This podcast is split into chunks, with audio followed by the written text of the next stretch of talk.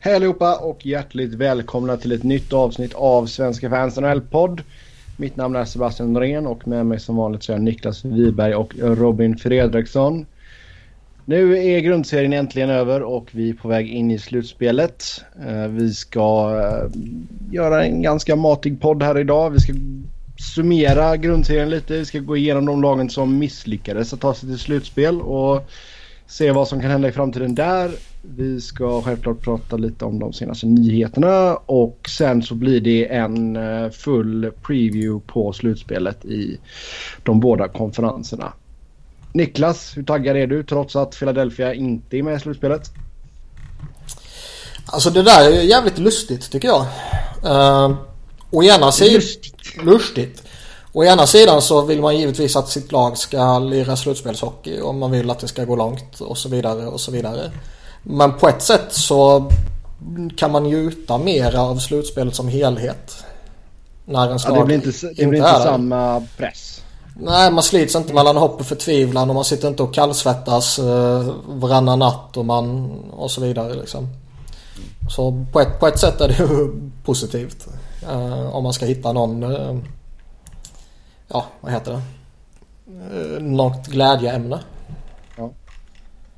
Eh, det är lite som när typ Sverige inte är med i ett mästerskap i fotboll. Mm. Det blir lite softare att följa hela, hela grejen som helhet då. Man blir lite mer allätare. Mm. Mm. Ja, alltså det ska... går det att få fram standings på NHLs hemsida nu när slutspelet har börjat? Du skriver in ja, nhl.com slash standings. Va? nhl.com slash standings skriver du.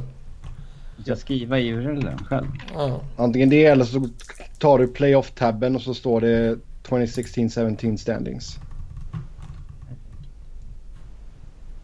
Ja. Ja, ni gör det nu. Det gjorde du inte innan. Okej. Okay. Då har de fått hat kanske. Mycket möjligt. Mycket möjligt. Hur, eh, Robin, hur ser du stort på grundserien? Det blir ju lite serielunk såklart men överlag så känns det väl som att det var en ganska bra säsong. Ja, den gick över ganska snabbt kändes det som. Uh, det... Ja, det var väl inte så mycket skrällar. Alltså man räknar ju alltid med två, tre skrällar. Så det är ju väntat. Så det liksom blir ingen skräll om andra ord? Nej, man vet ju att någon kommer sticka upp och vara med som inte borde vara med. Och så... Fast är det, utöver Columbus finns det en enda skräll. Ja, alltså sen är det ju så jämnt. Alltså det finns ju en skräll.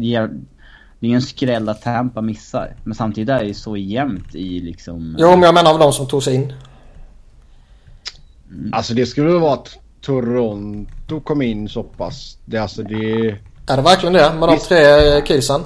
Alltså, inte, med alltså... så, inte så som säsongen har sett ut så är det väl inte det. Men om man tittade på innan säsongen började så visste man ju inte kommer Matthews gå in och verkligen dominera på det sättet han har gjort.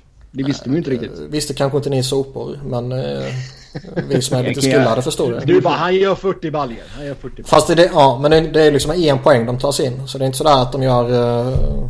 Skulle inte kalla det skräll heller. Det var väl kanske 50-50 inför säsongen. Mm. Mm. Alltså ja. Ja, nej, vi kommer med till Toronto när vi går in på previewsen. Um, vad tar vi med oss från grundserien? Överraskningar och besvikelse? Att Colorado var så helvetes dåliga utan att försöka vara dåliga. ja, det är, faktiskt, det är ju anmärkningsvärt att de var så bedrövliga verkligen. Det ska inte gå för under 50 poäng. Nej. inte om, inte om du inte... Alltså om du visst om du aktivt försöker och komma, alltså verkligen toktankar och skicka iväg allt bra du har och spela med ett AHL-lag. Givetvis. Men så var ju verkligen inte läget och det är det som gör det hela så jävla häftigt. Ja, alltså det... Buffalo, när de försökte toktanka, de kom ju över 50 poäng. Mm. Eh, de var ju verkligen, alltså de byggde ju laget för att förlora. Ävs har ju inte gjort det. Eh, så de är väl, alltså det är an, om vi ska prata anmärkningsvärt så ja, absolut. Att, eh, speciellt med tanke på eh, att de inte har så dåligt lag heller. Mm. Mm. Nej, sant. Överraskningar, det sa vi lite tidigare. Det är väl uh, Columbus har väl varit den största då, med tanke på hur dåliga man var förra säsongen. Att gå upp och sluta trea i Metropolitan med 108 poäng. Det är ju riktigt starkt gjort. Ja, det är väl den enda överraskningen om man pratar eh, lag. Att, mm. eh, visst, man kan väl lyfta på Minnesota att de är så högt upp och klättrar där och att Anaheim och Carlisle går så bra och att Edmonton eh, var två poäng från divisionsseger och lite sådana saker. Men det var väl inte orimliga saker heller. Mm. Sen är det klart da Dallas uh, förfall måste man väl nämna. Mm. Vi kommer till Dallas här snart men vi kör bokstavsordning. Eh, vi går igenom samtliga lag som missade slutspel och eh, uh, säger lite varför det gick som det gick och vad som hände till sommaren och lite sådana grejer. Börjar med Arizona då. Eh, Niklas skriver till körschemat här. Finns det något hopp? Vad händer med Doan och vad är planerna med Ekman Larsson? Uh, hopp finns det väl. De man har en, så, jag tycker ändå att man har en, eh, en bra pool här nu med unga spelare som kan, eh, kan bli någonting. Det, de är långt från färdiga men eh, en kille som Jacob Chikrin tycker jag gjorde en jäkligt bra första säsong här. Domi visade tendenser på att han kan bli någonting vettigt. Vi får se nu. Duclair kom ju, fick ju spela igen här nu på slutet av säsongen och fick lira lite med Domi. De två är ju ganska bra ihop. Så hopp, ja. Fast man måste ju självklart få bukt på den här jäkla arenafrågan alltså. Men Känns det påverkar verkligen arenagrejen liksom deras on ice? Tror du det? Nej, det är väldigt... Det är nog inte många procent den påverkar. Uh, men det är fortfarande, jag tror fortfarande det är störande för spelarna och att det köttet hela tiden liksom finns. Jag tror, jag tror det kan påverka väldigt mycket. Sen håller jag väl med det här att det nog inte påverkar jättemycket just i själva... Vad fan var det? Jag vet inte. jag kan ju säga att jag tittar på en fotbollsmatch samtidigt. Där jag har okay. ett stort intresse i att AIK vinner. svartgula spelare ska förlora. Heja AIK. Eh, det där menar du inte ens själv. AIK är det värsta som finns inom svensk idrott. Men ja, de onda gjorde mål precis. Ja. En målvaktstabbe i Elfsborg. Oj, oj, oj. Okay. Uh, nej, men jag tror också att en sån här grej påverkar och innan arenafrågan är löst, eller rättare sagt innan organisationens framtid kan man ju till och med dra det till, är löst så tror jag det kan bli svårt att lyfta. Uh, på ett sätt så är det väl bättre att de får beskedet att ni kommer flytta till Seattle eller whatever. Istället för att leva i den här osäkerheten i några säsonger till. Mm. Alltså det spelar ju säkert in när det kommer till spelarrekrytering, det tror jag ju. Alltså för, försöka plocka upp någon skön free agent liksom och de vet inte ens ifall laget, laget kommer vara kvar i, inom två år liksom. Det, det beror på vad du är redo att pröjsa. Jo, jo, det är klart att money talks men... Men så hiver du upp ett kontrakt som Goligoski fick så lär det inte vara några problem. Nej, det är sant och det har han inte levt upp till. Mm. För jag menar, så, sådana saker kan man ju alltid lösa. Det handlar ju, mm. alltså vi har ju sett eh, tidigare år eh, andra lag som har fått pröjsa lite mer än vad man egentligen borde behöva göra för att antingen få in spelare eller behålla spelare. Eh, och det är ju ingen alltså, ovanligt. Behålla, liksom. behålla spelare är nog ingen liksom, större grej så. För det verkar inte som att trots det som pågår med arenafrågan och sådär så trivs folk i Arizona. Det kan jag förstå efter själva Jag har ju sett flera UFA som liksom har gått tillbaka till Arizona. Mm. Men det är väl gött att leva där nere i värmen och åka till rinken i eh, linne och shorts och flipflops liksom. Ja, herregud. Och inte bli störd när man är ute på gatan. Exakt. Ja, och inte ha någon press på dig överhuvudtaget från någonstans förutom eventuellt dig själv. Ingen som kollar på en när man spelar om man gör en tabbe. Nej. Ja, uh, Shane Down han har hunnit gå och bli 40 år gammal nu. Uh, sitter på utgående kontrakt. Han har inte... Lämn...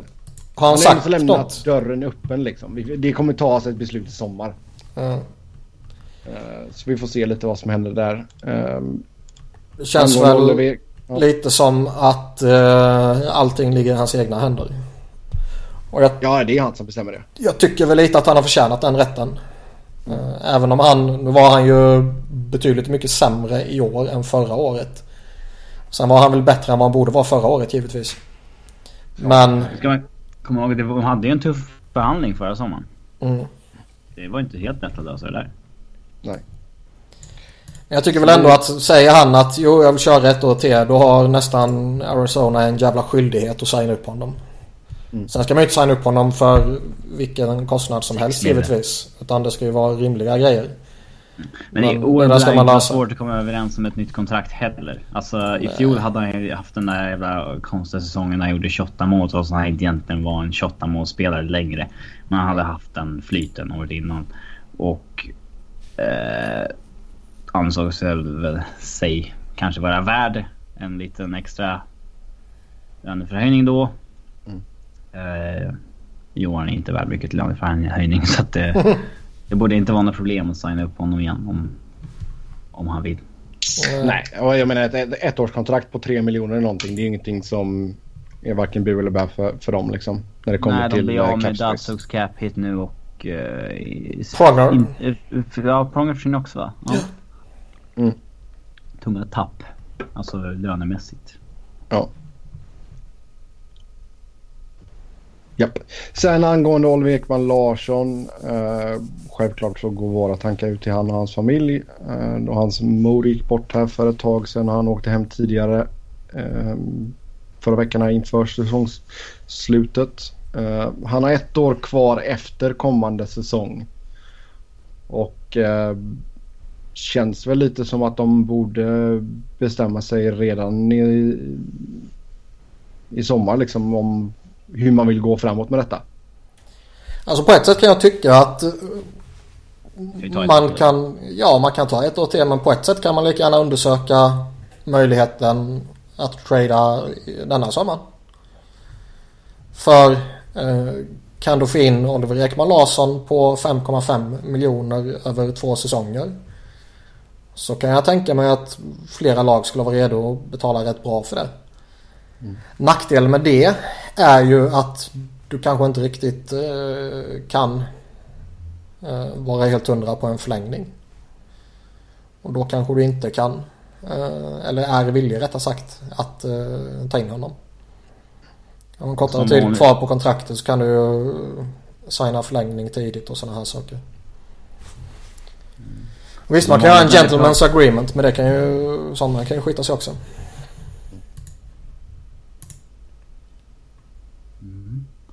Eh, sen är ju mm, som med alla andra sådana här spelare att nackdelen med att trada dem är att då har du inte längre kvar dem. Åh! Oh. Det, det, hade ju varit... För fan vad revolutionerande! Nej men han är ju utan tvekan deras bästa back liksom. Det är, det är ja och liksom då, jag menar, där ja. har man ju en nummer ett. Uh, ja alltså... Jag hade nog inte undersökt. Alltså, med tanke på vilken... Eh, hur många bra unga spelare man har så hade jag inte övervägt att trada honom. Nej, det hade inte jag heller. Men samtidigt så kommer det väl... Alltså, tar du inte ett kliv framåt i utvecklingen här nu under nästa säsong. Ja. Så kanske inte han är sugen på att skriva nytt. Nej, men han är inte sugen. Då, då måste man ju trada honom. Mm. Men man behöver inte göra någonting i år. Jag säger, jag säger inte att jag skulle göra det. Jag säger att jag skulle undersöka möjligheten. Mm. Uh, sen är det väl lite så att skickar man honom så finns det ju givetvis ett väldigt stort behov av att få in hans ersättare. Ja. Antingen att få in en prospect eller uh, ett väldigt bra pick liksom. Och bygga en trade kring det. Um, tror jag. jag. Alltså, han, han är ändå så i den åldern så han ändå så är med i samma sväng som alla de här ungdomarna. Ja, alltså han kan ju vara... Ja, alltså jag tror inte att han kommer vara en dålig back om fem år om vi säger så. Det... Nej. Så det är alltså, men jag, jag, tror att det är ändå så en, en vinnarskalle eh, från när vi har pratat med honom och alla sådana grejer. Så jag tror att han kan nog vara ganska trött på att bara förlora och förlora och förlora. Och går det åt helvete en säsong till. På vilket sätt var han vinnarskallen när han var med i podden? Nej, Nej men alltså han pratar ju ändå som att liksom, det, det är ändå så någonting som är viktigt för honom. Han har väl ändå pratat väldigt mycket om att han Men han trivs, Trivs ju jävligt. Ja, alltså- han trivs skitbra. Men alltså... Ja det var det jag sa. Man trivs i läge där man har noll press på sig. Och du bara kan gå ut och sola. Men jag tror att det är ändå så en kille som vill vinna en Stanley Cup under sin karriär. Alltså, Det vill alla. gå för det. Men det vill väl alla. Det är klart att alla vill det. Men, Men, ja, jag ja, ja, jag ja. Det skulle kunna komma ett läge där han går till ett annat lag för att kunna vinna. Jag Ja. tror att han är lite liksom hemmakär sådär. Eh, kanske inte vill dra ut och...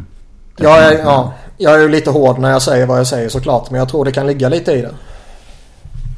Annars eh, känns det som att den här skiten har pågått så länge i Arizona. Så att skulle man verkligen haft den här extrema drivkraften så kanske man inte skulle varit kvar där nu. Nu är inte läge att... Men vad fan, de, deras framtid ser ju på ett sätt inte helt mörk ut med tanke på vilka de har i Nej, pipeline. Så det, jag tror inte att han uh, går och tänker liksom ja, ett år till. Om det inte blir något bättre nästa år då, då skiter jag i det. Liksom. Så, så tror jag inte att han går runt och tänker. Sen vet man ju inte liksom, hur mycket de kan tänka sig ge honom. För han ska ju inte så ha en ökning på de 5,5 han tjänar just nu. Ja, det borde ju inte vara något problem. Han ska väl upp på en den, halv kanske? Sju? ja, alltså de kontrakten som de andra backarna eh, signar som är toppbackar i ligan. Mm. Eh, Hedman och det gänget som precis har signat. Big Buff och lite sån här. Och sen kanske som vi sa tidigare de kanske får lägga till lite för att det är just Arizona. Man vet ju aldrig. Å andra sidan så känns han som en sån som kanske skulle ta lite rabatt också. Mm. Då, då är han ju för mesig om man tar en rabatt för att stay i Arizona. Ja, men det... beror på hur stor rabatten är i och för sig. Är det 500 000 så... Ja, ja men då är det ju skitsamma ju. Ja, Yes! exakt.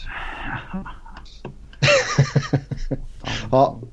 Uh, Medan Robin eh, jublar åt Elfsborgs mål så går vi vidare till Buffalo. Och eh, varför tog man inte nästa steg och räcker det med de målvakterna man har? Eh, Boston slutade alltså näst sist i Eastern Conference. Ja, ett grundproblem man har som jag tycker är att man har en kass coach. Mm. Och Men eh, man kanske kan sparka honom och anställa en bättre coach.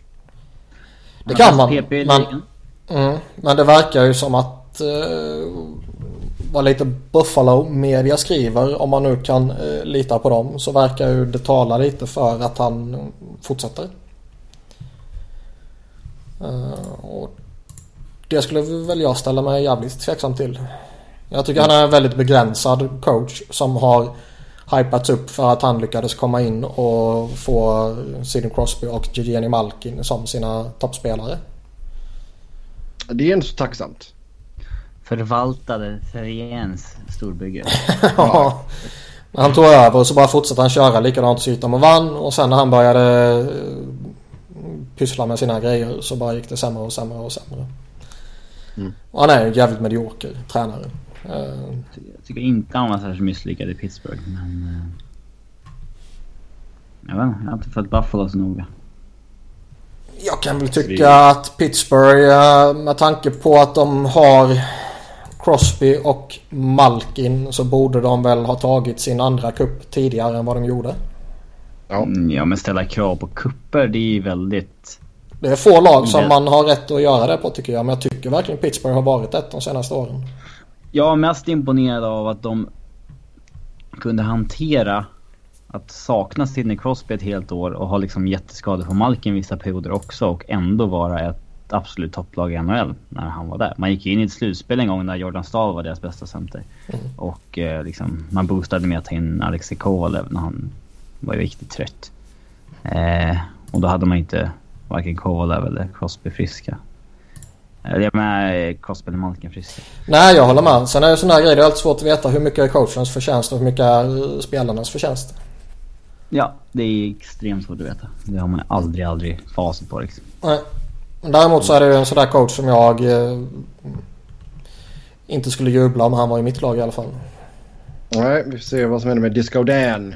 Uh, tittar vi på laget på pappret då. Alltså jag tycker inte så att Jack Eichel gjorde ju vad han kunde. Han missade ju ganska mycket på grund av skada i början av säsongen. Slutar ändå så nästan point per game. Uh, eh, 57 pinnar på 61 matcher. Så men det är en så, honom och Riley är ju två bra spelare att liksom bygga runt. Uh, Fast de har ju en bra core liksom. Mm, jag tänkte fråga dig Niklas, vad är din synpunkt på Rasmus Ristolainen? Är alltså... Först... Är, tycker du att han är en back för ett första par och är han inte det, i din mening, tror du att han kan bli det? Jag eh, vet inte riktigt vad jag har honom nu. Han är en svår spelare tycker jag. Mm. Uh, och det är inte bara jag som säger det. Det är många som är lite frågande till honom. Jag tror ju definitivt att han har liksom möjligheten att bli en väldigt bra back. Uh, jag tror inte han är där nu men det kan väl lika gärna ha att göra med lite omgivning och sådana där saker som att det har med han att göra. Mm. Uh, jag var förtjust i honom när han kom. Eller han kom fram då, slog igenom och som junior och hela det här köret. Så jag tror fortfarande han kan bygga vidare. Snubben är bara 22 bast och ibland tar det lite tid för backar. Det har vi sett. Och sen så mm. har man lite tålamod och så blir det skitbra helt plötsligt. Ja, det är sant. Eh, målvaktsfrågan hade vi uppe här i körschemat. Man sitter på en trio med svenska målvakter i Robin Lehner, Anders Nilsson och Linus Ullmark. Samtliga sitter på utgående kontrakt. Lener och Ullmark blir RFAs medan Nilsson blir UFA. Alla har ju faktiskt jättebra räddningsprocent om man pratar 5 mot 5 spelet sådär. När Nilsson och Lener eh, då har spelat mest givetvis och det är ju de som man kan ta på största allvar. Mm. Båda de två har gjort det eh, bra. Så det, på ett sätt är det ju jävligt orimligt att säga att de måste uppgradera i målet med tanke på att de har fått bra målvaktsspel. Sen är det frågan om det är någonting man kan lita på att man kommer fortsätta få. Problemet är att Lena är skadebenägen. Uh, jag skulle inte vilja ge upp på Linus Ullmark för det är en jättetalang. Mm. Uh, man har investerat rätt mycket i Robin Lehner så det vore ju en fel att släppa honom. Det är väl kanske Anders Nilsson då som man kan... På den positionen man kan... Om man vill, om man vill rotera om någonting men jag, jag skulle inte känna något stort behov av det. Nej. Mm. Nej, vi får se. Eh, angående kontrakten här då. Vad, vad skulle ni vara villiga att ge firma Lener Nilsson?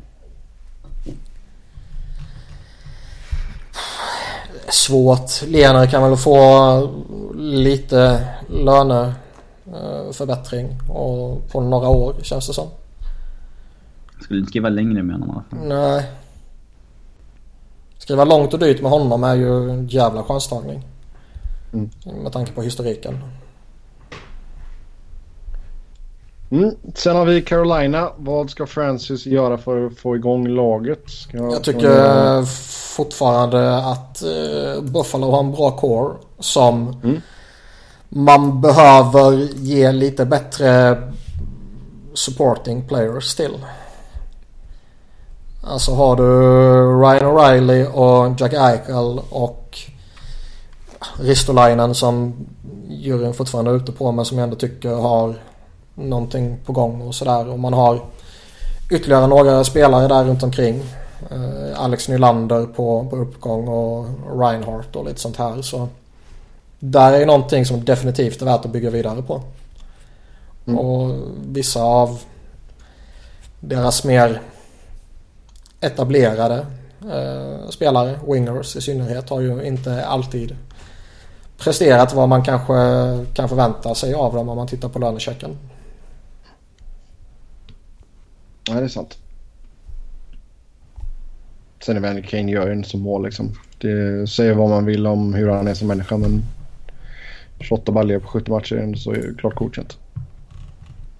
Det är ja, elit. Det snackar man inte bort. Det är skitbra givetvis ju. Ja. Sen är man frågan om han kommer göra det igen.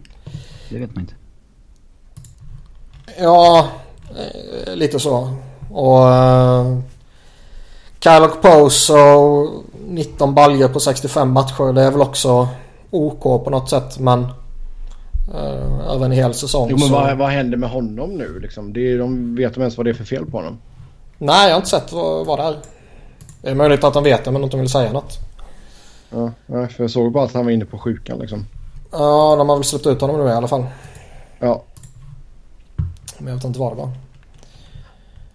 Och sånt där kan alltid vara lite oroväckande när man slängs in på sjukhuset och de vägrar säga vad det är för någonting. Det kan vara allt ifrån att uh, ja, han hade infektion i kroppen, det slog ut honom, ingen fara. Till att uh, man hittar väldigt allvarliga saker. Ja, exakt. Jag menar, se bara på vad som hände med Brian Bickel. Mm. Så, ja. Ja, då går vi vidare till Carolina. Uh, och uh, vad ska då Francis göra för att få igång laget? Ska man göra någon stor trade kanske? Det är, ja, de är ju inte intressant sits där de har nästan ett överflöd på bra backar.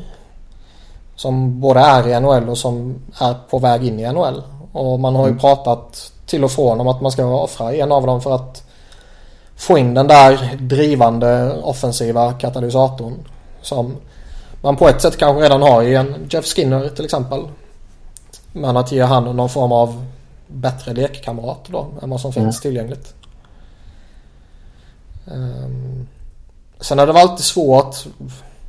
Offrar man Justin Falk för att få den spelaren som det var ju snack om han mot Duchene till exempel. Mm.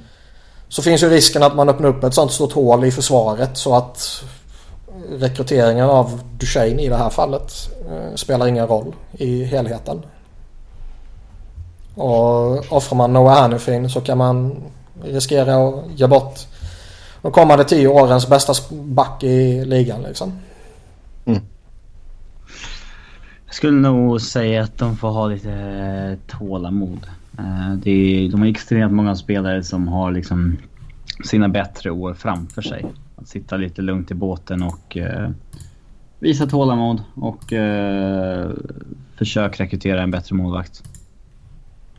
Gärna två bättre målvakter. Man borde ju kunna klara sig med någon av dem. Det ska inte behövas ja. två nya kan jag tycka. Ja, nej. Det måste inte ha. Helst två, men uh, uh, en borde räcka. Det har aldrig varit enklare att hitta högre målvaktsspel i ligan eller än det är nu så att uh, det borde inte vara något problem. sen är det väl lite problematiskt att de har kontrakt över nästa år med både Eddie Lek och Cam Ward va? Mm. Men det borde gå att lösa. Ja, vänta ut kidsen som kommer eller som redan är där. Och eh, ge det ett år till innan man kanske gör någonting. Det är väl kanske inte helt fel. Mm. Jag menar Skinner är i sin prime. Uh, Sebastian Aho kommer bli bättre. Jordan Stahl vet man vad man får av. Viktor Rask har kanske en växel till. Elias Lindholm har definitivt en, två växlar till.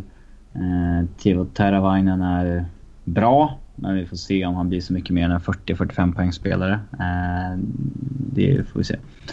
Falk, Slavin. Mycket bra backar. Noah Hannifin ser mycket, mycket lovande ut. Mm.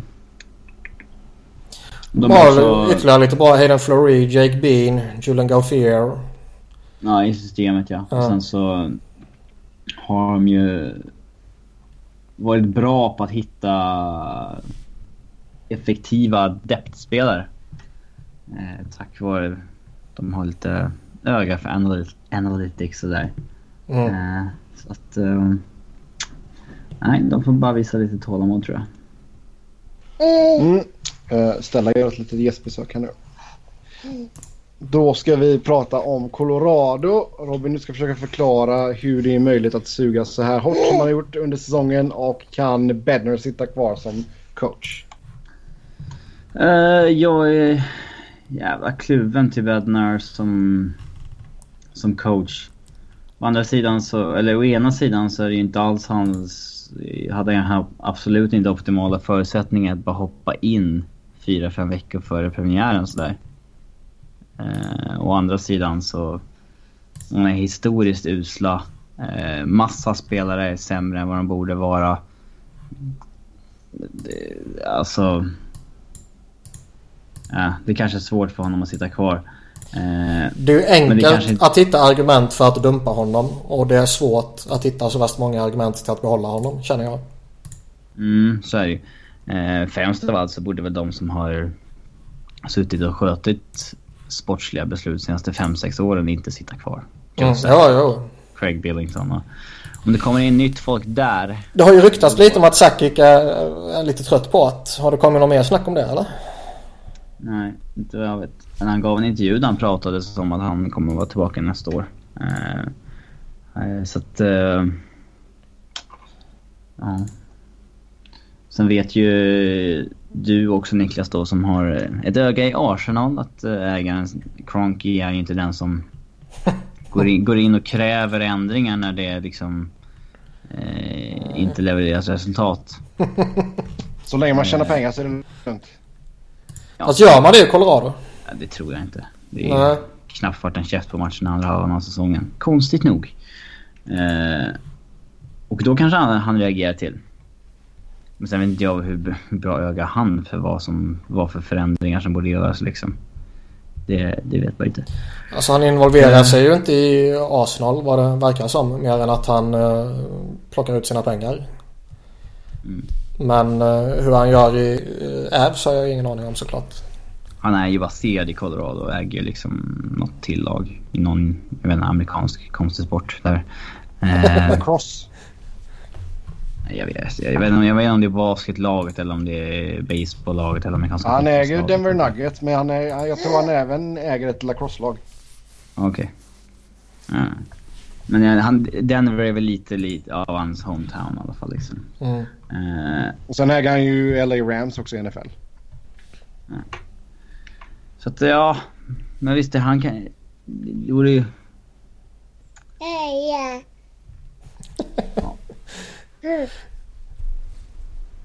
Men det är väl där på front office nivå man vill se förändring främst. Ehm, sen uh, Jared Bednar, ja. Alltså jag har väl inget emot om han är kvar i organisationen sådär men om det kommer in nytt folk i front office så har jag inget emot om de anställer en ny head coach. Mm. Så, men ja. Eh, anledningen till att det gått så dåligt som det har gjort är väl... Eh, ja, ska man säga. Det, man är ju liksom inte dead last i Corsi och shots, eh, shots differential så här som man var förut. Utan man har haft ett extremt uselt målvaktsspel. Eh, otroligt uselt målvaktsspel. Eh, powerplay nere på 12% sämst i ligan. Eh, Det är fan imponerande när det kan vara så dåligt. mm. Penalty kill är näst sämst i ligan, bara Dallas är sämre. Eh, special teams, målvaktsspel, liksom riktigt, riktigt, riktigt dåliga. Eh, och som precis som vi sa, snackade om förut med lite om Billsman där, att det är jävligt svårt att veta vad som är coaching och vad som är spelarna. Um, jag menar, Det som man gör att man inte riktigt vet att man har Bernard är att han kom in så helvete sent. Och ja men det är svårt att också veta hur mycket till ursäkt är det. Det är väldigt... Man ser coacher som kommer in mitt under säsongen och gör ett bra jobb liksom. Jo, men sällan en sån fast coach. Ja, det är hans första NHL-jobb. Jag känner ju lite att tar man, tar man in en sån purfask coach och slänger in honom och han kommer in så pass sent så tycker jag ändå att det är lite förmildrande omständigheter. Tar du in Ken Hitchcock i ett sånt här läge eller en sån coach under säsongen eh, då kan man ju ställa helt andra krav eh, tycker jag. Mm. Mm. Ja, jag, jag, jag har ingen aning om vad som kommer hända i sommar. Det skulle väl ti- tippa på att det blir en trade av Duchene. Men å andra sidan så vet man ju inte om samma front office som går med de tankarna när vi sitter kvar ens en gång. Mm. Så att... eh, Ja, ingen aning alltså. Så. Ja, roligt läge. Colorado ska bli ett roligt lag att följa till sommaren. Känns som det kan explodera där. De har ju fler, alltså... Det känns också som de är inte så långt ifrån att vara ett bra lag heller med tanke på hur många pusselbitar de har. Så skulle de lyckas med så här... Nej, men samma sak som med Buffalo som jag sa. Man har en bra core. Ja, Fylla ut lite bra runt om. någon bra trade det kan liksom se mycket, mycket bättre ut helt uh, Så vi får se. Då är jag tillbaka. Ja, gå vidare. Gå vidare. ja, ja, jag förstår det. Eh, poddar med barn är inte lätt, märker jag. Eh, då går vi vidare till Dallas och eh, Ruff lämnar ju. Eh, och eh, tycker du att han gör rätt i det, Niklas? Det går ju något rykte om att han redan för några månader sedan tackade nej till en förlängning. Mm. Uh, så frågan är om han anser att uh, ja, nej, jag vill göra något annat. Dallas, eh, nu har jag gjort de här några år, det var inte min grej liksom. Eller om man känner att nej, jag fick inte med mig i gruppen den här säsongen. Då finns det ingen eh, mening att vara kvar för de kommer inte skaka om i truppen så hårt och så vidare och så vidare. Eh, annars är ju Lindy Ruff är Jag vet inte vad man ska säga om honom. Å ena sidan så är du en klart kompetent coach. Å andra sidan så är han ju inte jättesexig. Nej. Är han tillräckligt sexig för att få eh, jobbet i Las Vegas? Ja, kanske, han, vill han vara coach nästa säsong så kommer han ju vara coach. Ja. Så pass stor och så pass respekterad och så pass bra är han ju. Eh, en, enda scenariot jag ser att han inte är coach kommande säsong är ju om han själv säger jag ska ta ett sabbatsår. Annars ser jag inte hur han kommer gå arbetslös. Mm. Vad är hans relation till ledningen i Boston? Kan du se en återkomst där? Alltså är det en, spel, en tränare som Buffalo borde sparka Bylsma för att ta in? Eh, menar du Boston eller Buffalo? För du har sagt både och nu. Oj, Buffalo menar jag såklart. Nej, jag är... Eh, jag är alltid jävligt skeptisk till att ta tillbaka coacher om det inte är en extraordinär omständighet. Um, Varför? Ja, och liksom alla, vi minns ju sista åren med Ruffy och Sabres. Alla skrek ju efter hans avgång typ. Mm. Och ja, nej, jag, jag, jag ser inte riktigt varför bara. Då kan man lika gärna sitta kvar på Bylsman känns det som. Mm. Um, däremot kan jag väl, alltså redan nu har vi ju några lag som har uh, tillgängliga coacher. Eller tillgängliga coachplatser eller vad man ska säga. Uh, några lag som vi kommer till så småningom och sen Vegas som du redan har nämnt då ju.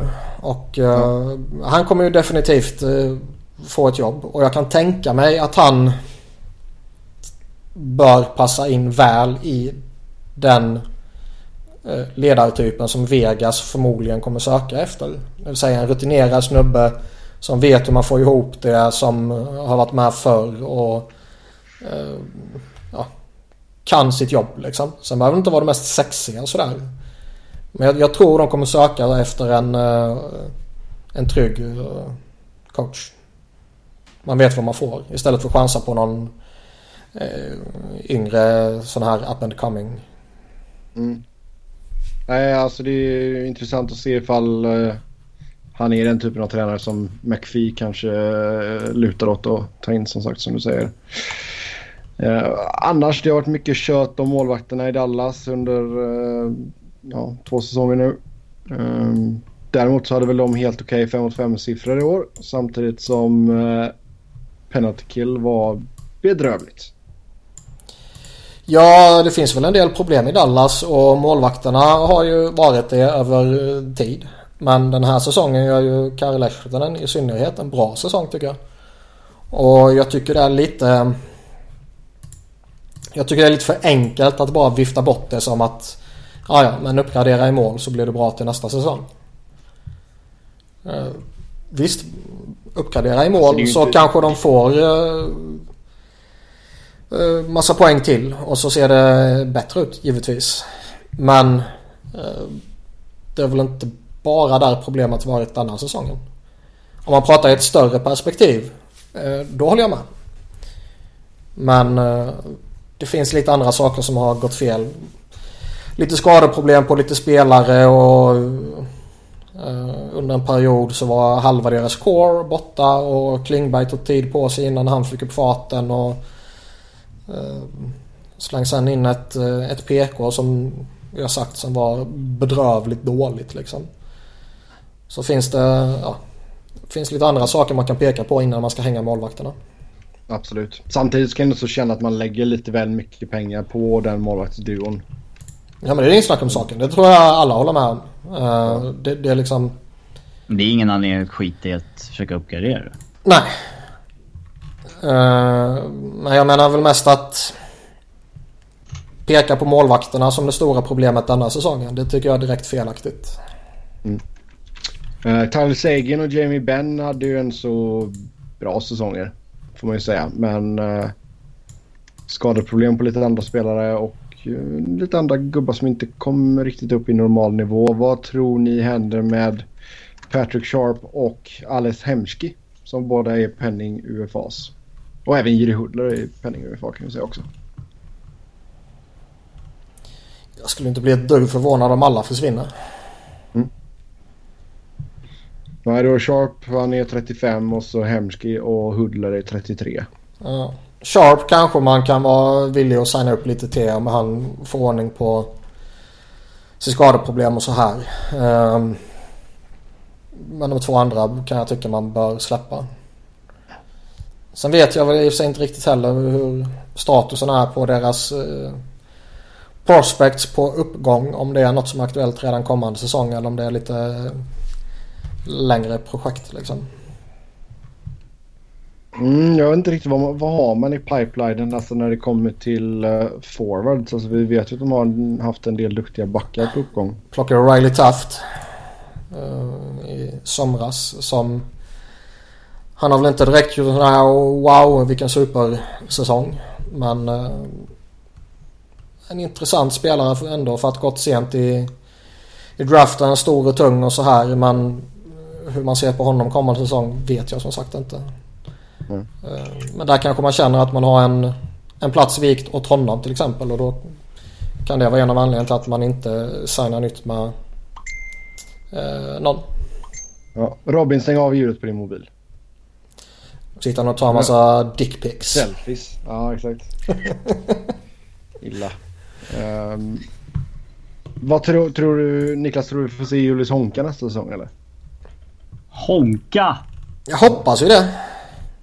Men de verkar ju så jävla fel. Alltså antingen så är han inte så bra som man tror. Eller så är de bara fega av honom alltså. Det... Alltså kan man känna att han kanske är lite, lite för lik Klingberg? Att han liksom är... För han är sjukt kaka bra. Kaka på kaka. Ja, exakt. Ja, då är man ju, tycker man det så är man ju så dum i huvudet och inkompetent liksom. Mm. Och det, Jim Neal framstår ju verkligen inte som det. Nej. Nej, det kan ju hända en hel del. Det beror väl på lite vem man får in som tränare och allt sånt också. Ja, givetvis. Men det är... Ja. De borde ju kunna studsa tillbaka liksom. Jag tycker det vore ett stort misslyckande med reservation för skadeproblem och sådana här rimliga saker givetvis. Om Dallas bommar slutspel två år i rad. Ja det är klart. När du har spelare som Seguin och eh, Ben och Klingberg så absolut. Mm. Även för målvakten heter Lehtonen och Niemi. Vem skyddar man i expansionskraften? Ingen. Fast det där är svårt. Alltså Lehtonen är ju den bättre målvakten och den man rimligtvis bör vara intresserad av att behålla såklart. Men å andra sidan exponerar man honom så kanske det är större chans att Vegas tar honom. Tar än Niemi. Ja. Ja, jag tror inte man blir av med Niemi. Man vet aldrig. Det är, det är så jävla osäkert inför expansionsdraften så jag vet inte riktigt vad man ska tycka. Och förutsättningarna kan ju ändras något enormt inför den med trades och det. Ja, det är klart. Vi får ju göra en till inför expansionsdraft, eh, expansionsdraft såklart. Jo. Ja. Detroit då, sista säsongen i Joe Louis Arena. Big Patrik, Joe. Patrik Laine tackar nej till hockey-VM för övrigt. Ja. Lite trist när de unga spelarna börjar göra det också. Ja. ja. Får se vad som händer med eh, firma Hedman Strålman. Man vet aldrig om vart... Eh, Hedman säger att han är undecided. Ja. ja palla bry sig om VM, för fan alltså. Ja, Eh, Detroit då som sagt. Eh, man flyttar in i en ny arena kommande säsong. Laget missade slutspel. Eh, vad händer med Ken Holland och eh, kommer man gå full out rebuild här nu? Eh, ska man gå full out rebuild så eh, kan man ju inte göra det under Ken Holland anser jag. Och jag tror inte det kommer bli så heller. Och han har ju... Nu kan jag mycket väl tänka mig att han bestämmer helt och hållet nästan om sin egen framtid.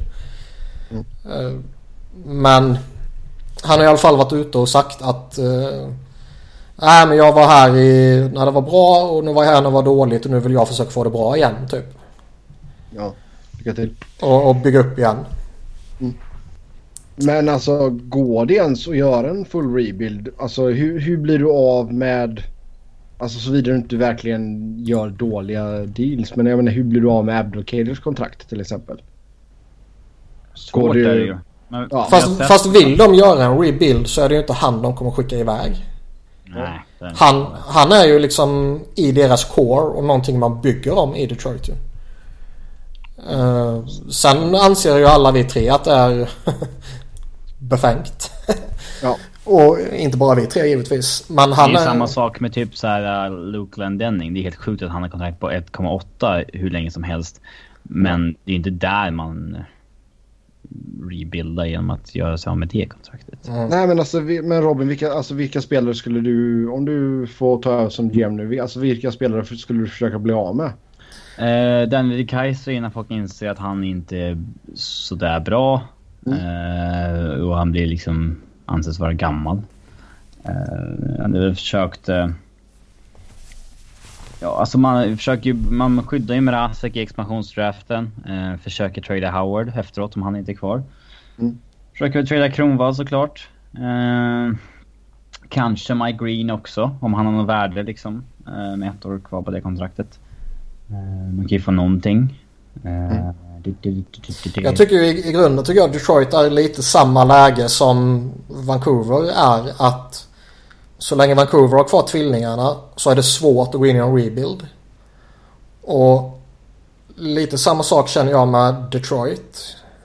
Om det borde inte vara det. Gubbarna där. Det borde inte vara det. Men jag tror det är så. Och liksom... Fast du har ju, alltså det är ju egentligen bara... Vad är det? Z i 36, Kronwall i 36. Det är ju åldermännen liksom. Kronwall ja. har ett år kvar efter nästa säsong. Däremot så har ju Z tre år till på sitt kontrakt efter nästa säsong.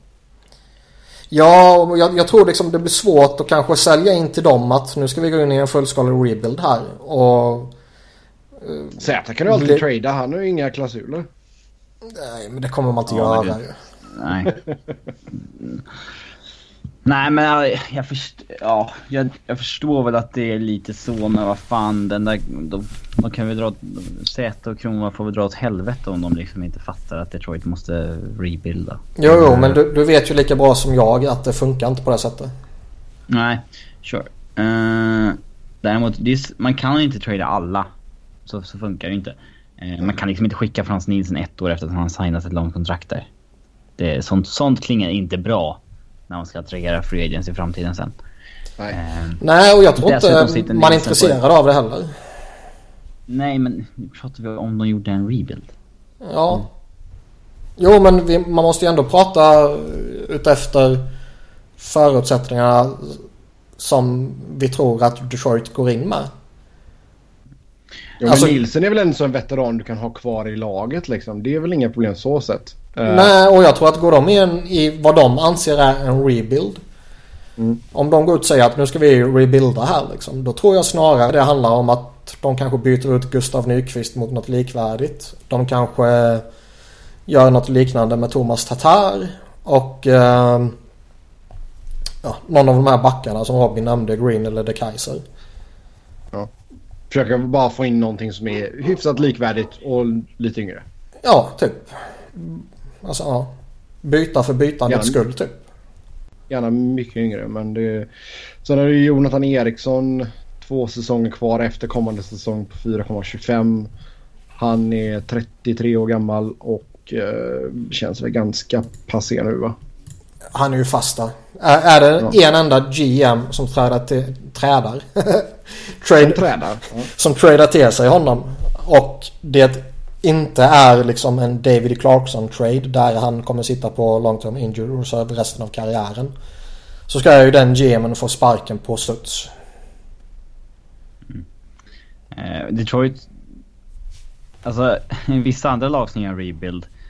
De har ju så många... De har ju oftast ett gäng spelare av värde man kan skicka mot andra rundsval och så vidare. Mm. Men Detroit har ju nästan så 6-7 kontrakt som är liksom, här måste man ju betala någon för att ta dem liksom. Eh, så jag vet fan hur mycket man skulle kunna vinna på det.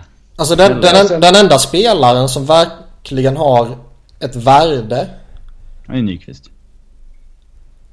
Ja, två då. Nyqvist och Tatar. Ja. Och de är, då inkluderar jag givetvis inte Dylan Larkin och Mantha och det för det... Nej, det är befängt. De är, de är inte aktuella liksom. Nej. Kanske en Brasek om man känner att nej men Jimmy Howard är our guy. I övrigt så finns det ju inget av värde.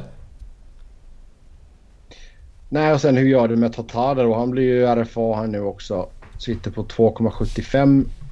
Um, jag menar, skulle du trade honom så vill du försöka få ner den capiten så mycket du bara kan så att du kan få liksom, då har du inte så ett bättre utgångsläge i förhandlingar med andra klubbar också. För du vill ju inte skicka iväg honom unsignad. Ja, det kan vara minst lika bra där. Och sen låta andra laget oroa sig om kontraktet. Fast du får inte ut lika mycket, tror jag inte. Ja, det beror på vad, vad kontraktet landar på. Men Robin, vilket värde sätter du på Nyqvist idag? Ja, han borde väl... Eh, ja, ska man säga det... För är 27 år, signat två år till, har gjort senaste tre säsongerna cirkus 50 poäng och runt... Mm, alltså det, jag kan tycka, det är nog ett rätt, rätt bra tillfälle att trada för honom. Han har ganska lågt värde just nu men bara en 12 mål bakom sig förra säsongen. Mm. Uh, så att... Um, där kunde man kanske få ett, lite av ett bargain då, då uh, som köpare. Lite... Um, mm. Han, han hade gärna varit intresserad av att trada för om jag hade ett hål i topp 6 och hade 4,75 över i löneutrymme. Ja, alltså det, och det känns ju så. Alltså, kommer han in i rätt omgivning med en bra alltså, speluppläggare så kan han ju väl studsa tillbaka och göra 25 baller igen. Liksom. Jag vet inte om han är den där målskytten riktigt, men... Det tror jag. Mm, ja. Men... Äh, Målskytt, alltså utpräglad målskytt är han väl inte? Nej. Äh, om det är det du menar. Däremot kan han väl göra sina 20-25 baljor i rätt omgivning, det tror jag. Ja, 55 poäng ish.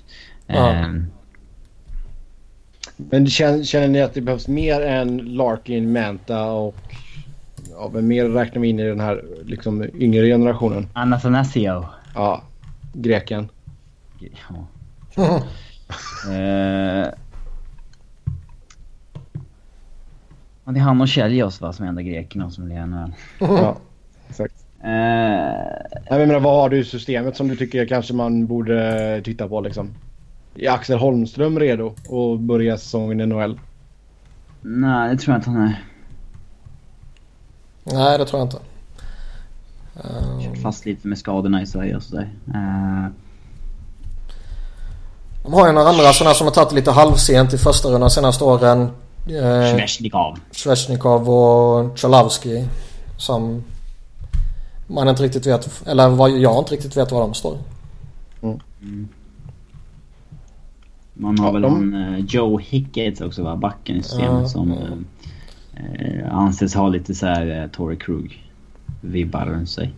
Okay. Uh, Sen vet man ju inte heller med Detroit. Ibland har ju deras prospects fått vänta typ sju år i AHL innan de har kommit upp. Ja, och då måste vi kanske inse att världen inte ser ut som den gjorde förr. ja. Mm.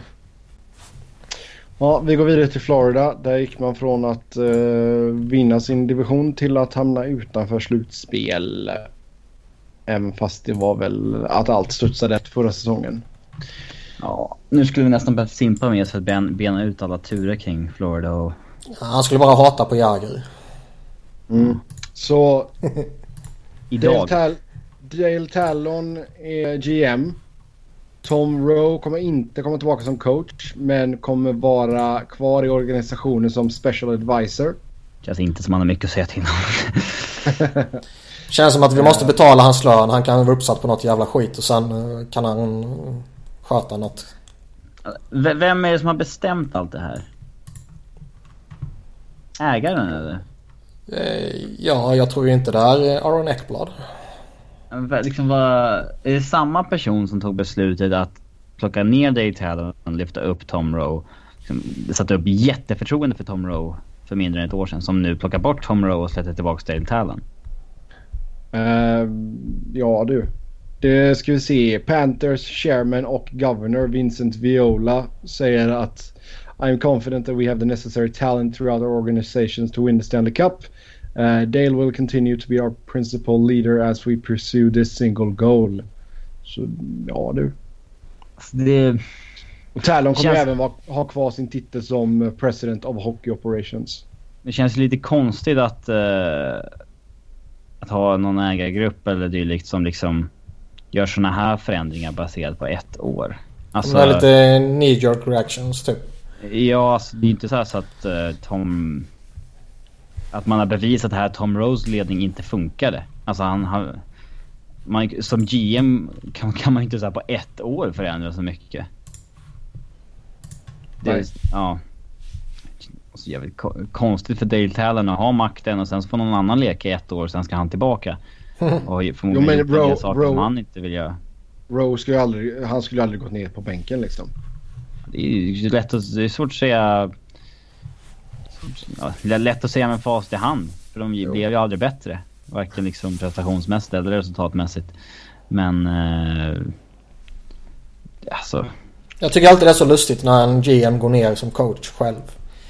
Det är liksom, man, man sätter sig i, en, sig i en position att misslyckas. Ja. Och jag, tyck, jag tycker det är... eh, På ett sätt kan man väl snacka som att det är liksom modigt och, och visa på stake och bla bla bla. Men jag tycker att man riskerar mer än vad man kan tjäna på det.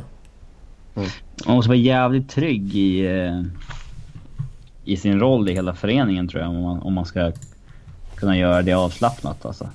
Mm. Jag menar, Lou, Ja. Lou Lamorelli gjorde väl det lite i Devils någon gång. En, två gånger, här för mig. Eller? Jo, men han kunde göra vad han ville där ju. Ja exakt, alltså där fanns... Han satte ju inte sitt jobb on the line när han gick ner och coachade Nej. resten av säsongen någon gång Nej. och sådär. Det... Jag undrar om det kan ha varit någon intern maktkamp mellan Rowe och Talon. Ja, det, det, ja. Det, det, det är det känslan man får. Ja. Eh, att liksom inför förra säsongen lyckades Rowe få tag i uh, vinna ägarnas förtroende och nu liksom har kanske Talon fått tillbaka det tack vare att fjolårssäsongen gick dåligt. Mm. Ja. Det vore ju, nu, nu vill man att det ska gå ännu sämre för Florida. alltså, nu var det ju kul om det gick mycket sämre än förra året. När de tar tillbaka Talon. Och dumpar Jagr, vad det verkar som. Mm, vem ska bli den nya charmiga åldermannen i Panthers? Hoppas de gör en riktigt dålig trade också. Alltså såhär Huberdom mot någon Adam Larsson back och så.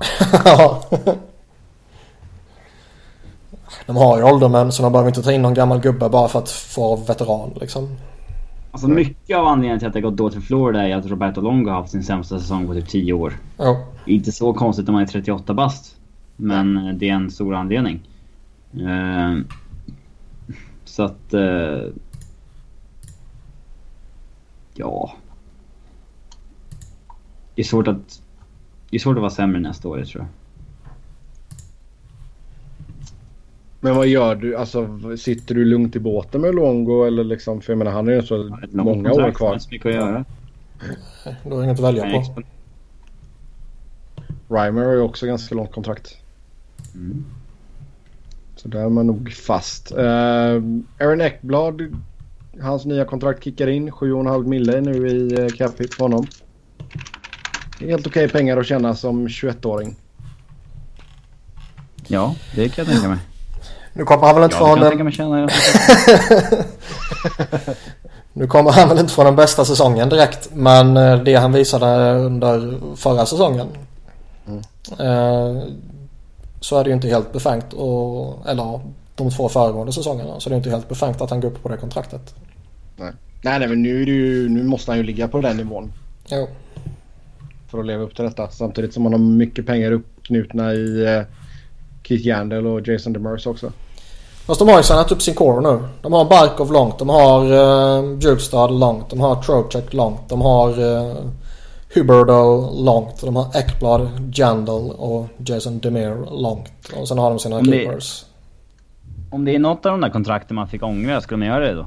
Jag tänker kanske lite Riley Smith. Ja, det finns ju en anledning till att jag inte räknade upp honom när jag nämnde alla namnen. Ja, det är sant. Hans nya kickar in också så han går upp på 5 miljoner. Efter att ha gjort 15 mål i år. Ja. Mm. Det var den enda av de där som jag tycker kändes lite suspekt när de signade alla de där. Eh, Bjugstad har haft en jävligt tung år, men eh, jag tror inte man kommer ångra det avtalet i alla fall. Nej. Mm. Då går vi till Los Angeles Kings och eh, kan man studsa tillbaka eller är deras tid över? Vad händer med Sutter och Lombardi?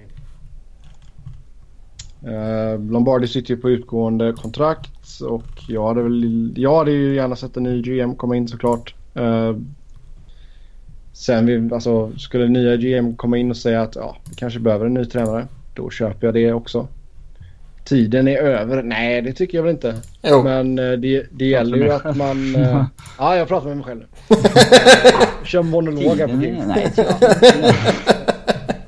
Men uh, däremot så känns det ju bedrövligt att man ska behöva sitta och verkligen hoppas med allt uh, man håller fingrar och tår och allting att man blir av med antingen Dustin Brown eller Gaborik i expansionsdraften liksom. Det, det är ingen bra sits som Lombardi har satt det här laget i. Nej, men eh, protesterade du när de signade Gaborek till exempel? Uh, ja, jag klagade ju på kontraktslängden gjorde jag. Pengarna var han väl värd. Men uh, det var Problemet var ju att han var ju slutspelets bästa spelare där och då. Och man ja. hade inte råd att gå kort och högt. Så man kunde Nej. gå billigt och längre. Och sen Dustin Baum-kontraktet fördömde vi ju sen dag ett liksom. Ja, jag är rätt säker på att jag och Niklas i alla fall gjorde det. kan jag säga att det gjorde jag med. Dag ett, tror du det? Ja. Nej, det tror inte jag. Det... Få betalt, i, få betalt i efterhand är alltid fel. Det måste Robin gå tillbaka och kontrollera. Jag tror mycket väl att eh, du har fel här. Nej då, nej, nej, nej. Um, och vi vet ju, nej, Drew, så... Drew Dowdy är ju slut. Jonathan Quick är ju slut. Kopitar uh, kraschar fullkomligt. Uh, Iginla har sagt att han vill spela ett år till. Så där finns ju hopp. ja, nej tack till Iginla. Um, nej alltså man får ju... Du ska ju förlänga med Toffoli och uh, Pearson. Nu har ju Toffoli inte haft någon monstersäsong så det hjälper väl lite i förhandlingarna. Men Pearson har inte tagit ett kliv uppåt så han ska ju nog ha en okej okay löneökning från sina 1,4 just nu. Um, så jag menar, blir du av med Brown eller Gaborek så kommer de pengarna gå direkt till Toffoli och Pearson liksom. Uh, sen behöver du göra lite andra små moves men jag tycker ändå så att... Lite själviskt sådär så är jag jävligt... Uh, tycker det är spännande att se vad som händer med Daryl Sutter. Om han blir tillgänglig hur hans relation med Ron Hextall är. Om det är någonting som Ron Hextall skulle undersöka. Mycket möjligt. Det hade varit jävligt bra tror jag för um, Philly. Alltså vilken jävla dörnik som helst skulle vara en uppgradering för den coachen vi har nu. Eh, mm. Men det kan vi ju, jag kan spara mitt flyers-hat till vi kommer till, till Philadelphia. Men, Nej, men alltså, jag, jag tror Sutter tycker jag är en duktig coach. Det har han ju bevisat med, med Kings liksom. Men det kan vara så att man har, lite, man har kört fast lite helt enkelt liksom. Och att det behövs... Ja, jo, nej, ja, ja, ja, ja absolut. Det behövs nytt folk liksom. Jag menar mer eh, om han skulle bli tillgänglig. Mm. Sen kan jag tycka att eh, ja, det kanske är rätt att bryta med honom. I synnerhet om man eh, får en ny GM, vilket man typ desperat måste få. Ja. Sa inte vi... Kåpet är någonting hintande om... Att han ska sluta? Att de kanske inte var helt nöjda med coachingen eller sådär. Typ så att det är upp till oss, det roll. Eller någon, Vem som står om... bakom bänken exakt. Ja. Ja. Ja, det är sant. Och sen alltså systemet är ju... Det finns ju inga direkta sådana kalas-prospects liksom. Så det, det gäller ju att man försöker pricka rätt här i, eh, i draften också liksom. Um, vilket alltid är lättare sagt än gjort. Men hoppet det lever kvar. Vi får se vad som händer med Matt Green också. Han kanske lägger av. Ja. Och det, det är ju inte så att man skulle gråta blod över det. Och du är en ond människa. Matt Green Ha, han- han ska han ska ta- men, eh, Hans kontrakt går väl inte ut eller? Nej, Nej, det går ut efter nästa får man ju säsong. inte lägga av. nej det är jävligt korkat att göra. Mm. Men man har gjort korkade saker förr. Ja. Ja, jag har aldrig varit så korkad så jag har tackat nej till 2,5 eh, miljoner dollar. Jo, det har du. Det vet jag. Det vet jag. De sa vill att du ta inte någon sponsor. Niklas har väldigt höga krav på... Ja. Han bara nej, nej, nej. 2,5 det är för lite. Jag håller 3 ut. miljoner dollar är ribban. Ja, jag håller på tre. Per person. Eh, nej, så det är alltså man har ett jävla jobb. Oavsett vem som tar över efter Lombardi kommer ha ett jävla jobb framför sig. Det är ju en sak som är väldigt säkert. De är ju en lustig sits också det här med att det är ju inte så att de ska gå in i en rebuild. Nej, det, alltså de ska ju retoola för alla är ju verkligen i sin uh, prime mer eller mindre. Nej, det är de ju i och för sig inte. Vissa Men- är över prime. Ja.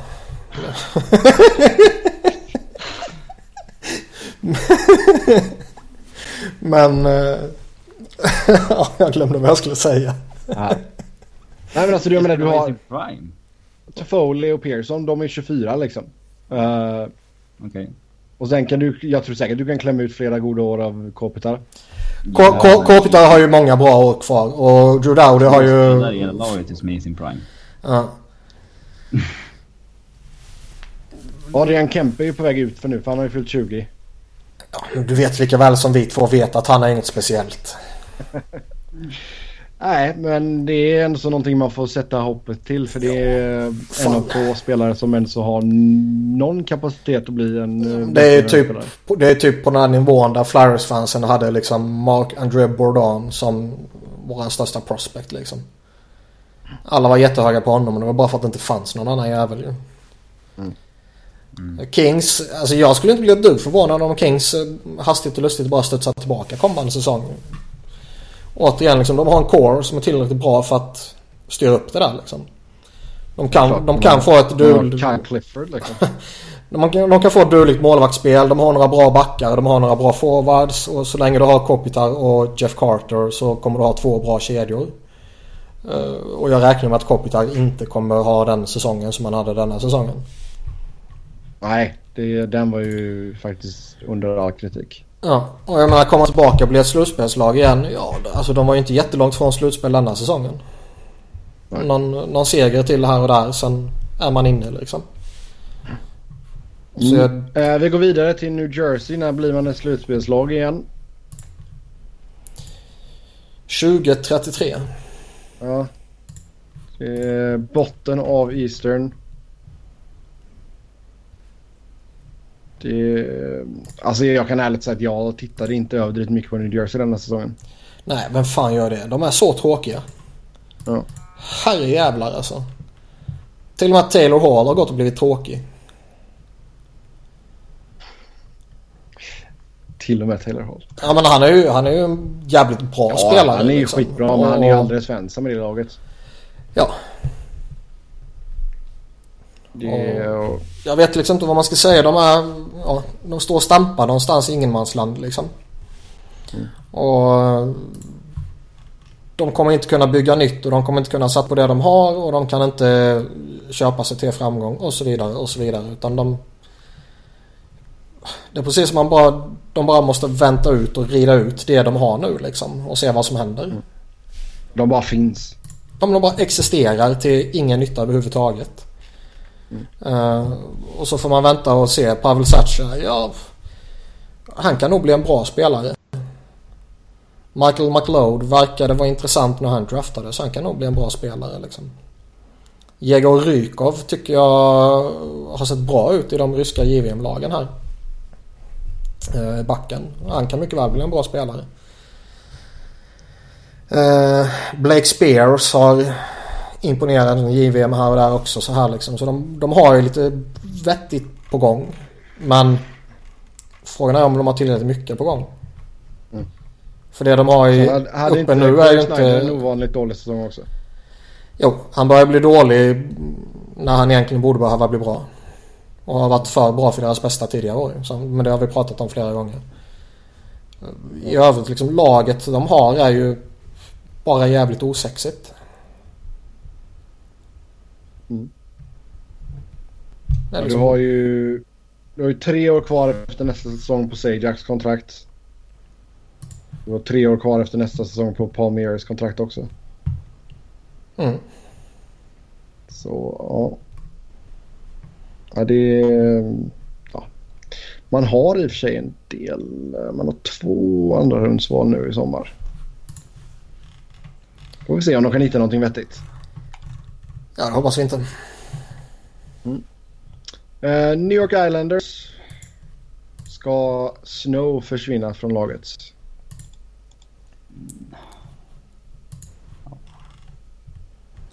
Garta. Garta. Hur länge har han varit där nu? 2006 Minst så ja. gick han in. Men det känns ju som att eh, de, eh, de kickade Capuano typ en vecka för sent. ja. Nu bommade de slutspel med, vad var det, en eller två poäng. En poäng det. Och... Eh, de var ju... har ju gått till slutspel de senaste åren. De ja. har inte varit så här genomuselt episkt dåliga i tio år. Som typ ryktet ändå säger. Nu tycker jag inte du ska försöka sudda bort det här roliga ryktet. De har ju gått till slutspel tre av de senaste fyra åren innan dessa. Ja, jo, jag vet. Innan. Mm. Nej men det är klart, det, kän, det har ju känts lite här på slutet, i synnerhet förra året, att de... Fan, har de något på gång nu kanske? Och sen har det bara inte hänt någonting. Och så står man fortfarande där och det enda som det pratas om är John Tavares framtid. Kommer han lämna eller kommer han uh, vara dum och förlänga? Ja exakt. Efter nästa säsong så går kontraktet ut och han blir UFA. Och... Uh, där måste... Eller alltså hur känner du att tidsfristen uh, är där för Islanders liksom? Och för Tavares? Det är någonting man borde fixa i sommar eller? Alltså för Tavares del är det väl skitsamma. Han kommer ju få sina pengar oavsett. Uh, mm. För Islanders är det ett måste att antingen signa eller trada till sommaren. Jag tycker det är direkt oansvarigt att gå in i en säsong med en sån här superstjärna eh, som pending UFA.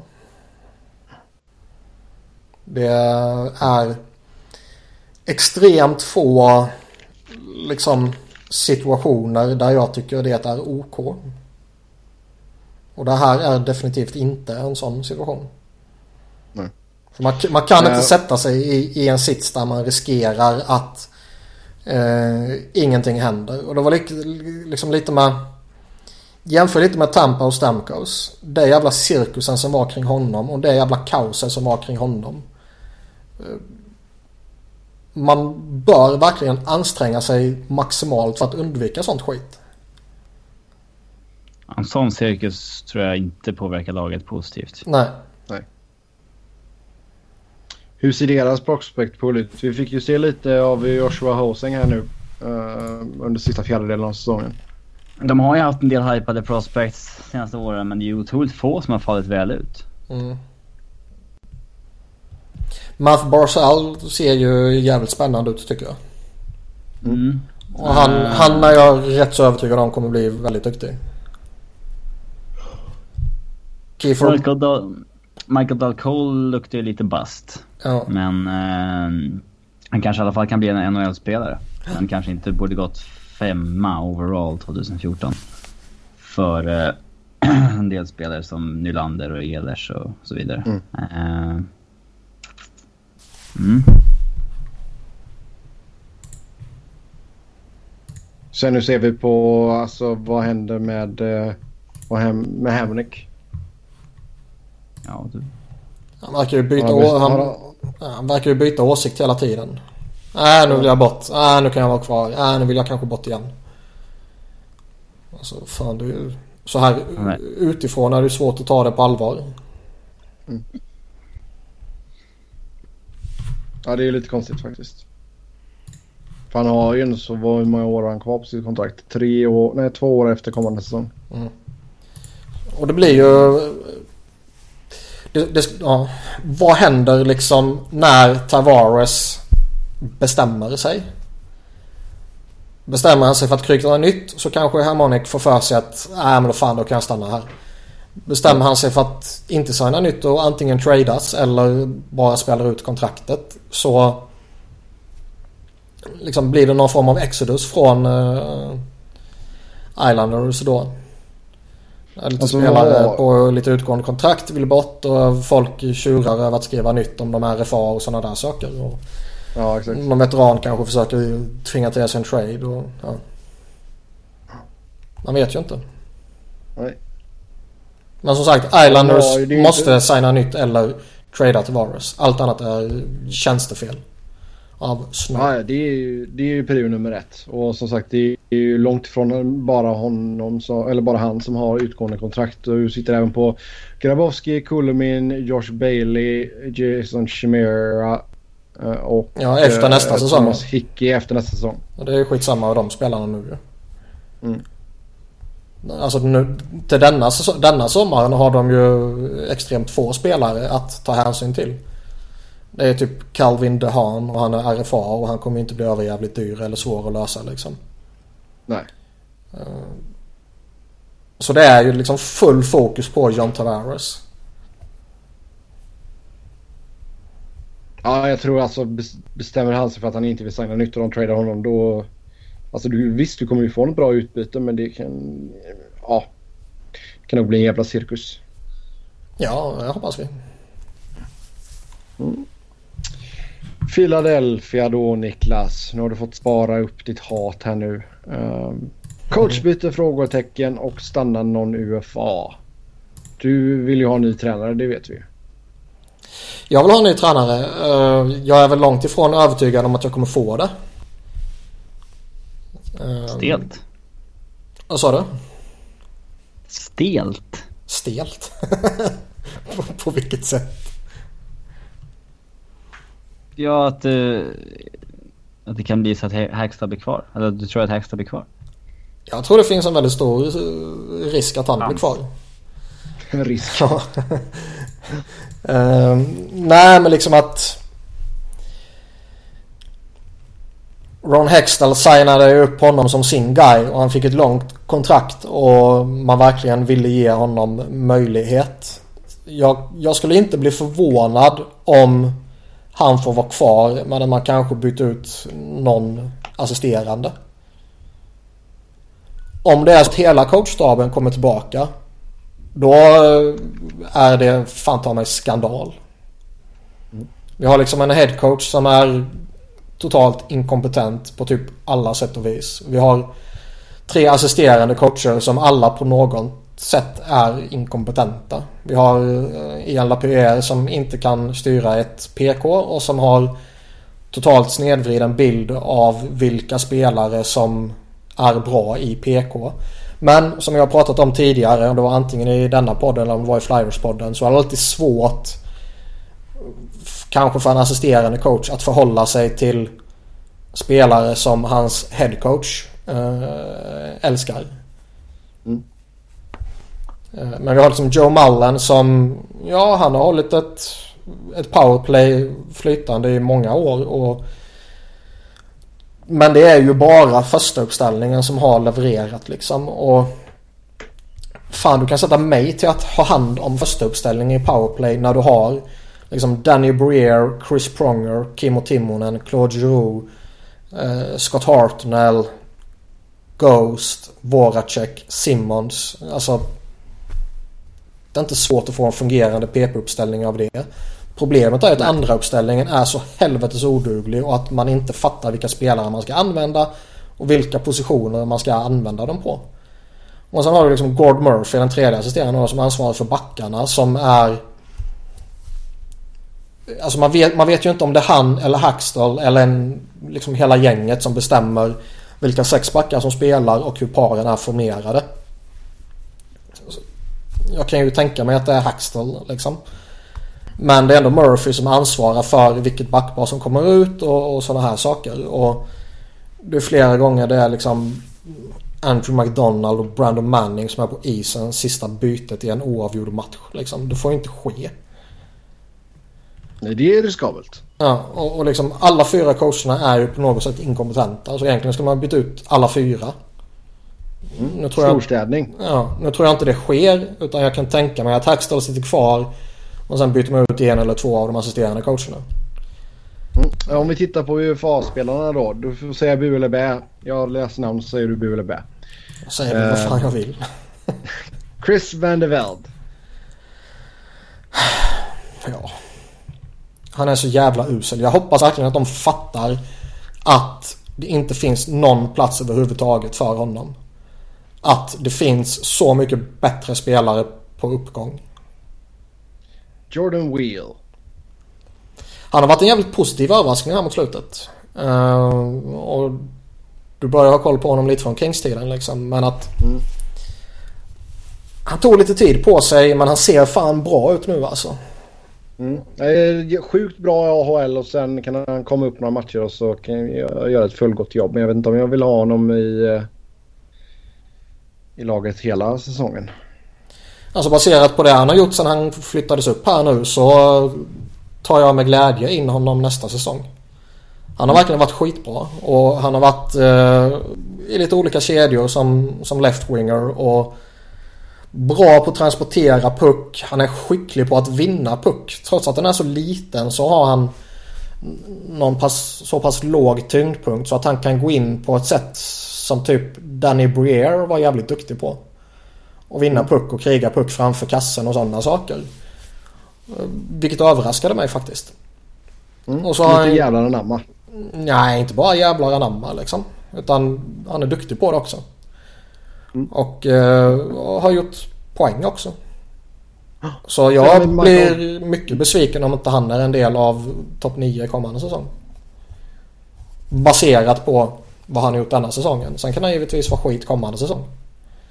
Jo. Mm. Ja, men jag, jag, och sen jag tror inte att han, han skulle inte kosta in några pengar direkt heller. Nej, en liten löneökning på de 650 han har nu. Ja, och så ger han ett eh, tvåårskontrakt liksom så är han nöjd. Förmodligen. Ja. Michael Del Sado. jag... Tinderkungen. jag skulle nog eh, inte vilja förlänga med vare sig Del Sado eller Nick Schultz. Nick Schultz kan jag tänka mig kommer sluta. Eh, det skulle inte förvåna ett dugg faktiskt. Del Sado. Eh, om han ska bli kvar så måste han signa billigt och kort.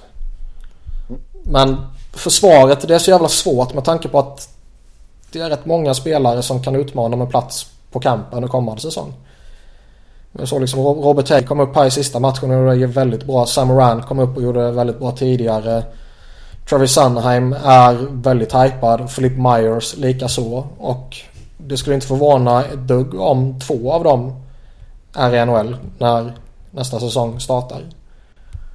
Och då finns det ju inte eh, jättemånga platser liksom.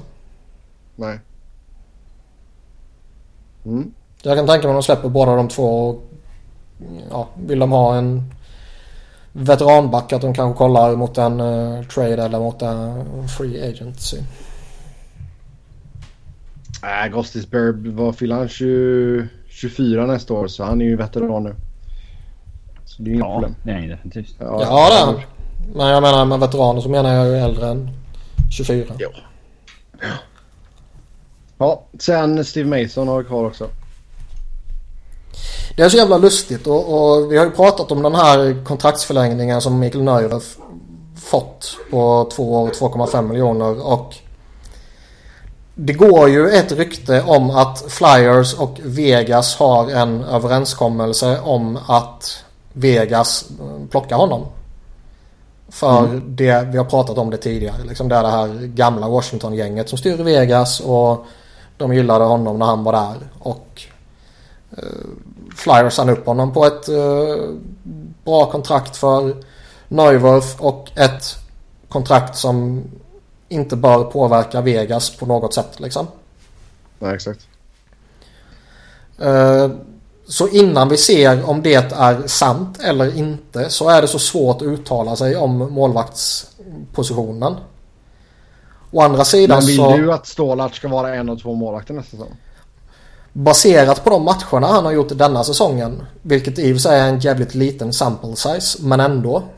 Så bör han vara en av två målvakter. Och eh, Steve Mason Alltså grejen att om det här skulle stämma med Neuwerf att man har en deal med Vegas och så vidare. Så skulle man ju förmodligen ha börjat tugga lite med Steve Mason att ja men vi vill behålla dig men på grund av expansionsdraften så måste vi lösa det på det här sättet och när det är klart och de har plockat honom så kommer vi signa dig på det här kontraktet. Okej okay, säger han, fan vad gött. Mm. Men riktigt de känslorna har man inte fått utan han har pratat och uppträtt lite som att han har gjort sitt i Flyers. Och man kan, alltså det, man kan givet... så borde han gjort en... Eh, man ser ju ofta spelare som höjer sig när de blir penning-UFA. Mason har väl gått och gjort ett sämre år. Ja, han har varit skitdålig. Efter att ha varit extremt duktig sen traden från Columbus så har han verkligen kraschat denna säsongen. Mm. Um, och sen är det en sån där spelare som jag inte är trygg på att signa upp på ett långt och dyrt kontrakt. Uh, så jag kommer ju inte bli ledsen om de släpper honom. Nej.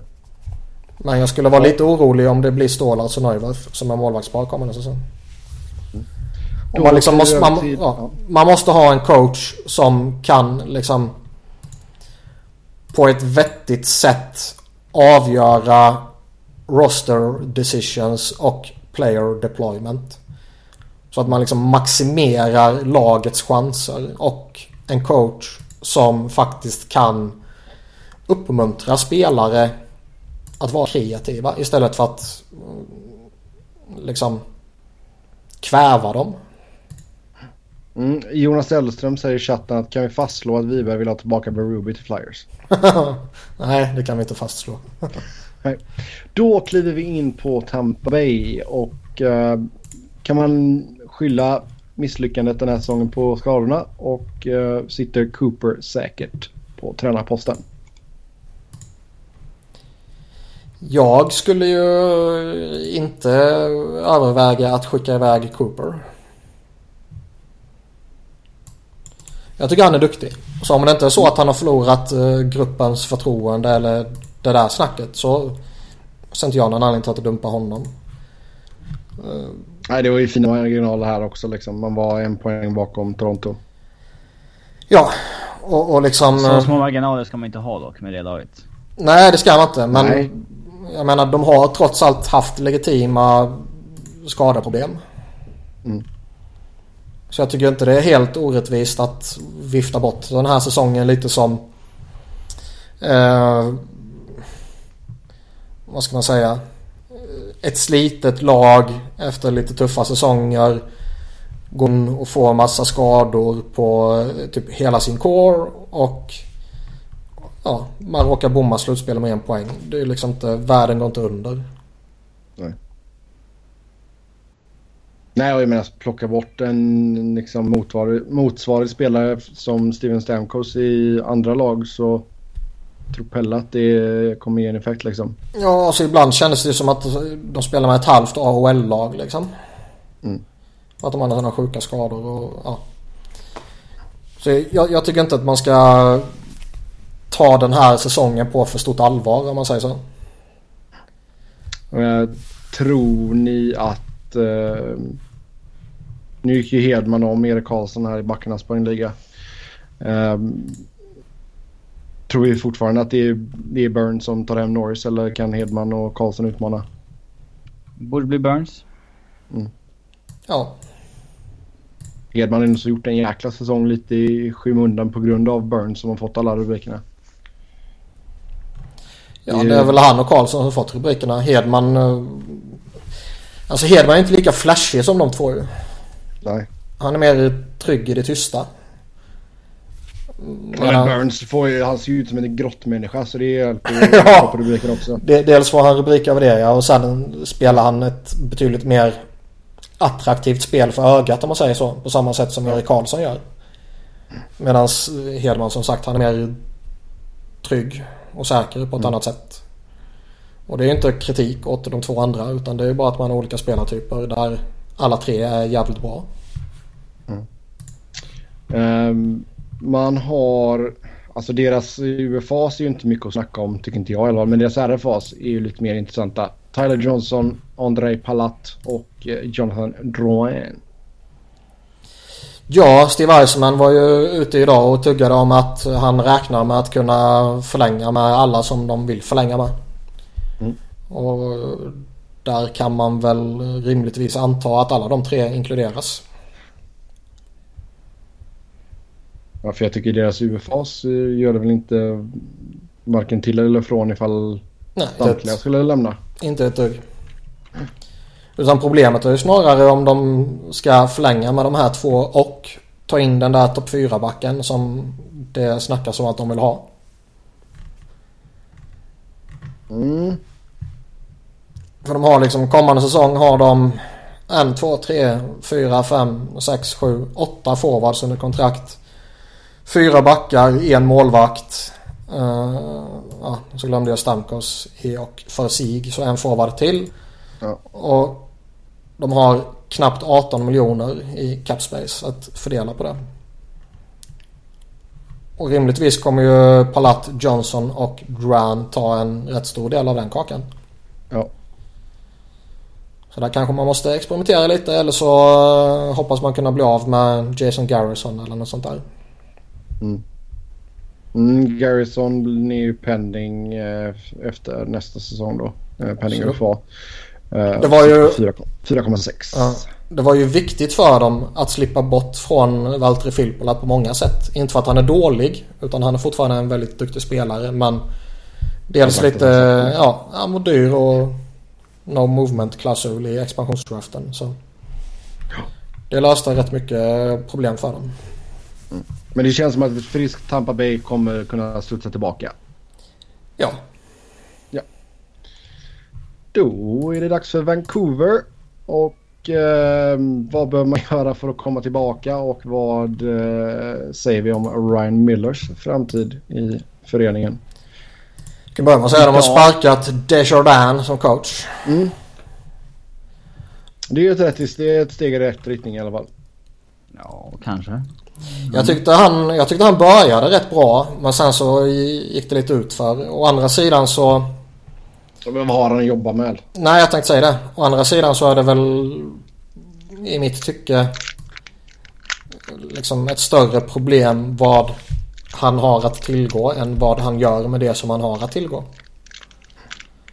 Eh, Så det är klart att Vancouver borde titta på eller Vancouvers ledning borde titta på sig själva innan man hänger Desjardins kan jag tycka. Jo, men det är ju... Men, jag kan, men å andra sidan. Jo, så är det och, Men å andra sidan kan jag väl inte heller säga att det är ett felbeslut att sparka honom.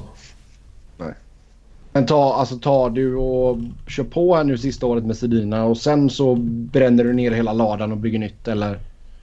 Eh, Benning sa idag att han eh, tror att man kan turn this team around in a hurry. Men det är klart. Nej, men det är väl det han har... eh, Det är de åren han är uppifrån också. Men det är alltid skoj när Ja, de säger sådana vara. galna saker. Ja.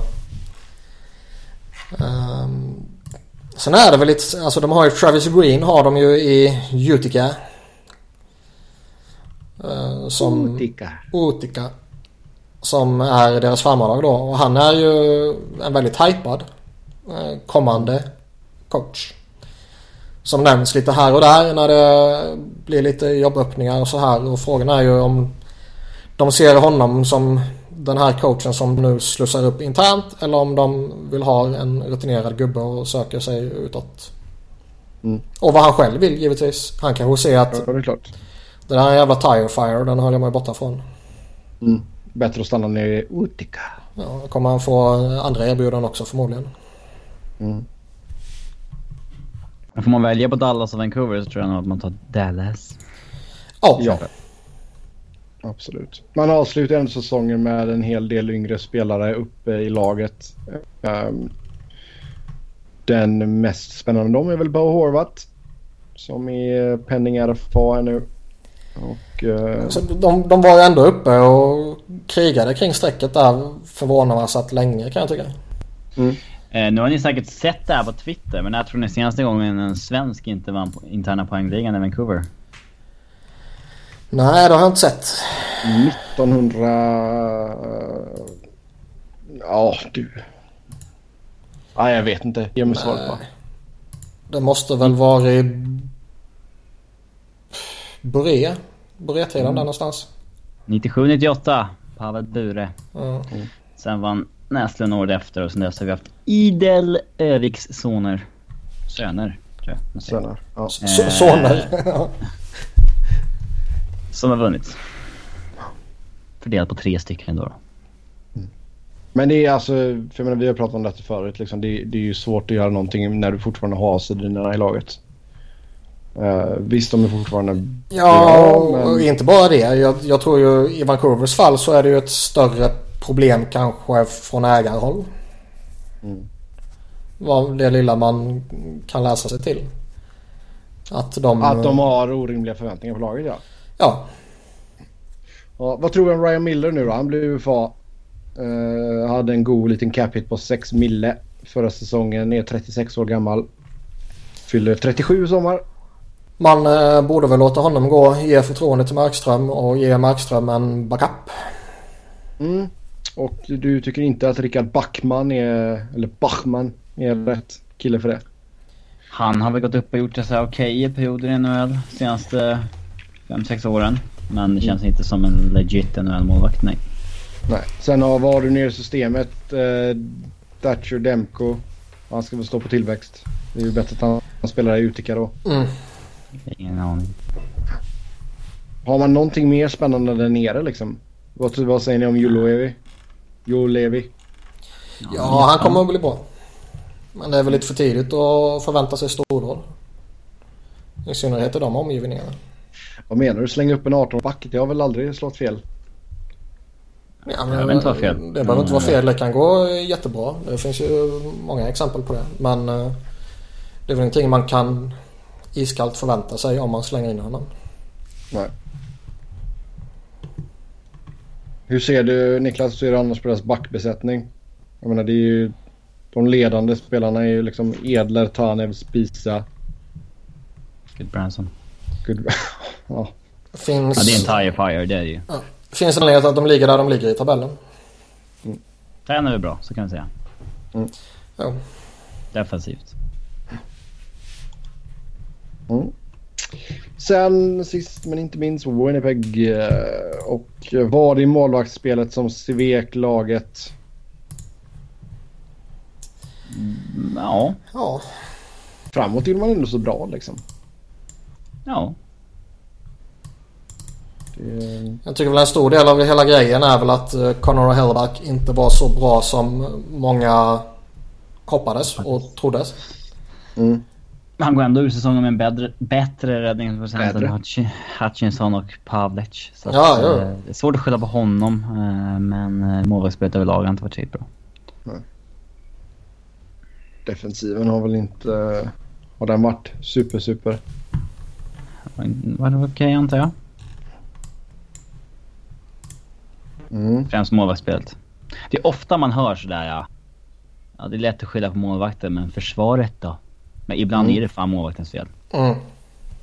Ja, men det känns ju till exempel alltså... Han hatar ju att kallas för Tobias men uh, Toby Enström har ju... Han heter på Tobias. Han heter Toby. Det står Toby på. Enström. Ja det vet jag. Han heter Tobias. Han har avsagt sig sitt svenska medborgarskap. Han Sådana har- där eh, landsförrädare håller jag inte högt. Mm, Svin som då blir amerikanska eller kanadensiska medborgare. För fan för dem. Jag har kvar mitt svenska medborgarskap också. Ska jag Ja, det ska jag se till att det Eh. rivs. Ja. Så jag menar, du har, du, har, du har åtminstone en säsong till kvar med Enström. Ehm, vad händer med Jakob Truba till exempel? För där var det ändå så ganska segdraget. Han har ju bara ett år kvar. Sen visst, han blir RFA men ändå liksom. Vill de ha en till sån soppa liksom? Alltså han var ju också blivit lite gammal för att fortfarande vara talang. Mm. Det är, han ska väl alltså börja plana ut här nu. Han, eh, han gjorde väl en OK säsong nu. Snittar en halv poäng per match där omkring och eh, med tanke på vilka förutsättningar han gick in i säsongen med så är ju inte det dåligt kan jag tycka. Nej. Men någonstans har man bara väntat på att ja, nu ska han leva upp till hypen och har väl inte gjort det på riktigt. Mm. Sen har man väl, man har väl några fler eh, spännande kids nere i systemet också va? Ja alltså de är väl ett av eh, vad heter det, lagen som har draftat bäst de senaste åren och som har trots att de har slussat in väldigt mycket spännande har eh, en del grejer, eller grejer, spelare kvar. De har ju inte så mycket beslut att ta tycker jag. Det är mer också där som vi sa om typ Carolina. Visa lite tålamod ett år till.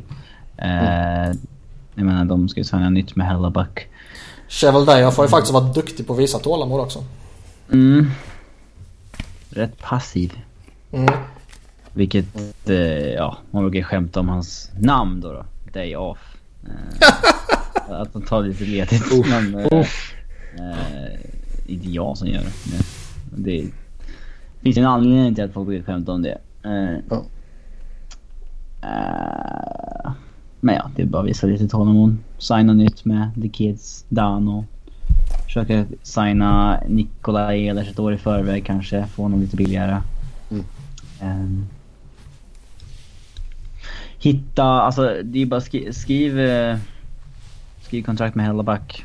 Antingen får man leva med Mikael Hutchinson som backar upp honom ett år till eller eh, trycka ner Hutchinson i AHL och eh, eh, ja, signa ny backup då.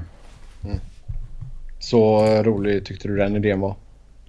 Ja, gissningar men roligt att göra. Mm. Liksom. Fattar inte det snacket. Är så Sy- Symboliken var stor. Ja, nej men alltså med, med, med en kedja som liksom centras av Shifley och sen har du Ehlers och uh, Line på varsin kant liksom. Det är, ju- det är ju två förunnat Det liksom. är Det är porr! Ja det är på gränsen till hockeyporr. Det är det. Ja den är rolig. Då går vi in på våra preview här på slutspelet.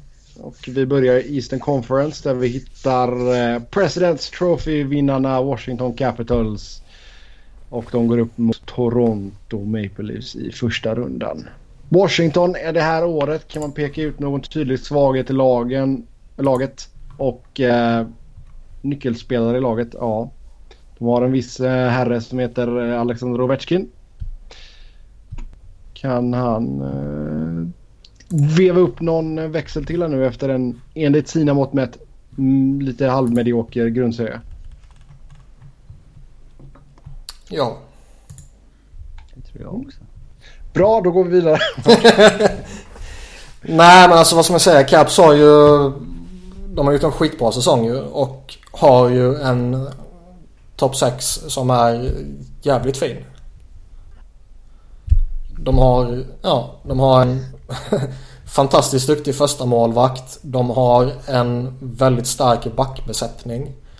Och deras bottom six är ju trots att den innehåller Tom Wilson så är den ju inte klappkass direkt. Nej, förutom Tom Wilson. Ehm, Så de har ju ett väldigt gediget lag. De har en väldigt skicklig coach.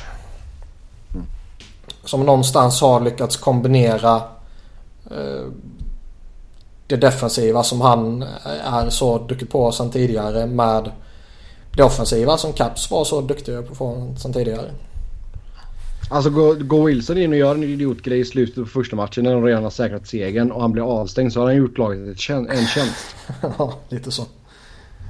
Men Det kan eh, ju vara en... Eh, det är klart han kan Han vara en duglig spelare. Nej. Men eh, Försvara inte honom nu. men alltså han är ingen gun på det sättet utan han... han är ju en Spelar spelare. han bara hockey så är han ju hygglig, hygglig liksom Ja, spelare. ja, Inte bra men hygglig. Ja. ja. Sen är han en idiot. Men i övrigt ser jag liksom... Jag ser inte någon sån där uppenbar svaghet i Capsarnas. Nej. Skulle vara med en opålitlig första center. Nej. Eh, Nej men de... eh, De, de ser, ser ju otroligt starka ut. Cavs. Det här gillar inte anti-statsnördar att höra men det är ju sällan i laget som går in i, i slutspelet med högst PDO som kommer gå hela vägen. Utan de har oftast lite bad luck att vänta. Så har vi sett förr. Mm. Men det känns som att... man har ju två, två riktigt ruggiga powerplay-uppsättningar också. Ja. Mm. Och det känns ju Som lite som slog att... senast. TJ Oshie gör mål tack vare Ovechkin Mm. i powerplay. Och det känns... Det känns väl lite som att tidigare år har man inte riktigt vetat i majoriteten av åren var man riktigt har Capitals. Eh, Det har alltid funnits något frågetecken på något sätt eller det har alltid varit lite osäkerhet där och har de fått ihop det och kan man verkligen lita på dem hela det här köret men den här säsongen känner jag mig väldigt trygg med dem. Och nu kommer det säkerligen Ja. innebära att de åker i första rundan bara för det men Ja. Eh, Jag, skulle, jag har målat upp, jag har tippat dem som slutsegrare. Mest för att det typ är det enda laget där jag inte ser någon uppenbar svaghet. Ja, alltså sen har det ju... Jag menar förra året så rök man i andra rundan mot Pittsburgh liksom. Ja, Mm. och det är ju ingen skam i det. Nej, och de gick ju och vann hela skiten liksom. Ja. Ehm, Men alltså eh, tittar du på hur det ser ut denna säsongen så även om du går upp mot, mot Pittsburgh igen så är det ändå så ett försvagat Pittsburgh med tanke på skadorna man har. Ja, alltså Washington kommer ju vara favoriter i alla matchserier oavsett motstånd. Rakt igenom. Sen visst med reservation för vad som händer i slutspelet givetvis. Jo. Eh, Men så här på förhand så favoriter i alla matchserier. Ja, en, ja nyckelspelare Ovechkin såklart, Bäckström såklart, Holtby såklart. Um, Shattenkirk Hur har varit du- duktig också. Ja, Chattingar. Jo, men alltså man, jag tycker inte man har, man har en bra, bra backbesättning. Den är stacked. Mycket, Eh. mycket bra. Det är väl den och Nashville som är bäst. Sen har man ju Mr Game 7 himself, Justin Williams också. Ja. Så ja, mycket talar för Washington så här på förväg i alla fall. Eh, Toronto då, vad kan kidsen uträtta? Har man en, eh, har man en, ärlig, liksom en rejäl chans i den här matchupen med Washington eller är man bara där för att liksom få lite rutin? Lära lite? Eh, Ja. svaghet i laget?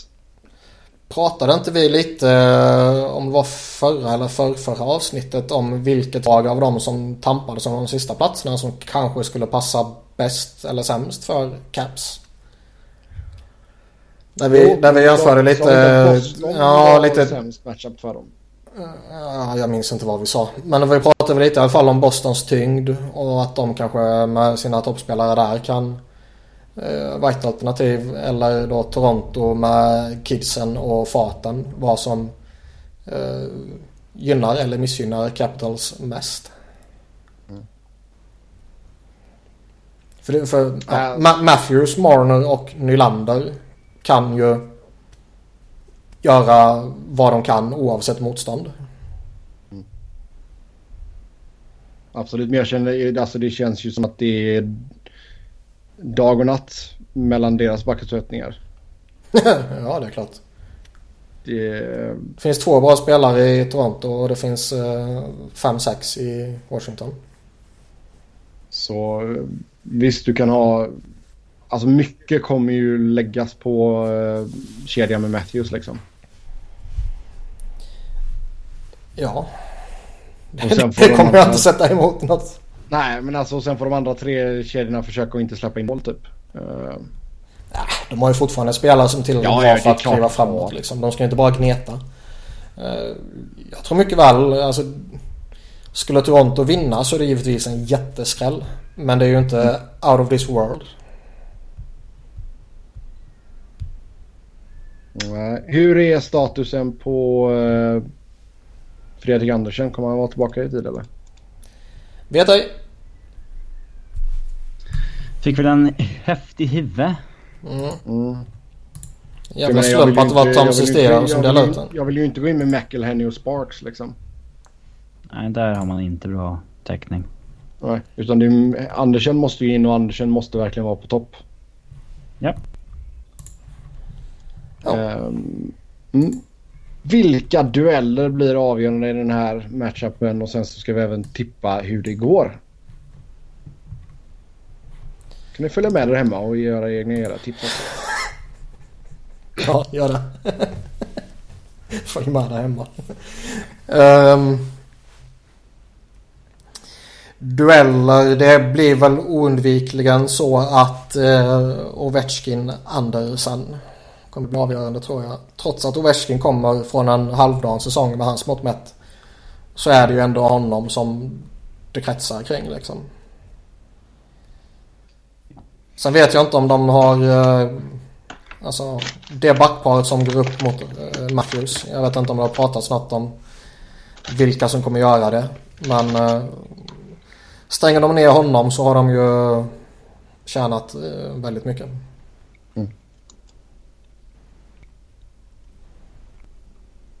Mm. hur tror du att det går då? Jag säger 4-1 i matcher till Washington. Jag tänker samma sak. 4-1 eller 4-2. 4-1 säger jag. Mm. Då är vi överens där. Då går vi vidare till Montreal Canadiens mot New York Rangers. Uh, Montreal har man centerbesättningen för att klara sig hela vägen. Uh, svagheter, nyckelspelare. Ja du. Ja du säger du till dig själv. ja du. Säger jag till dig. Jag, eh, nej men jag har väl alltid pratat lite om att jag tror man behöver den centern för att kunna vinna och jag har väl sagt att jag inte är helt övertygad om att Montreal har den centern. Eller Rangers?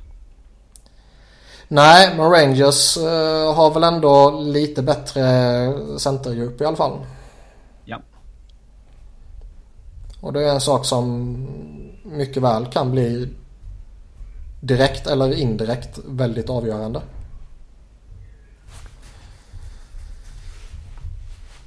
Annars är det ju lite... Alltså Montreal är ju ett bra lag. Man, man ska ju inte glömma det utan... Ja, mycket snacken på förhand har ju handlat lite om att Rangers eh, inte ska vinna så värst mycket för att de ska få möta Montreal. Mm.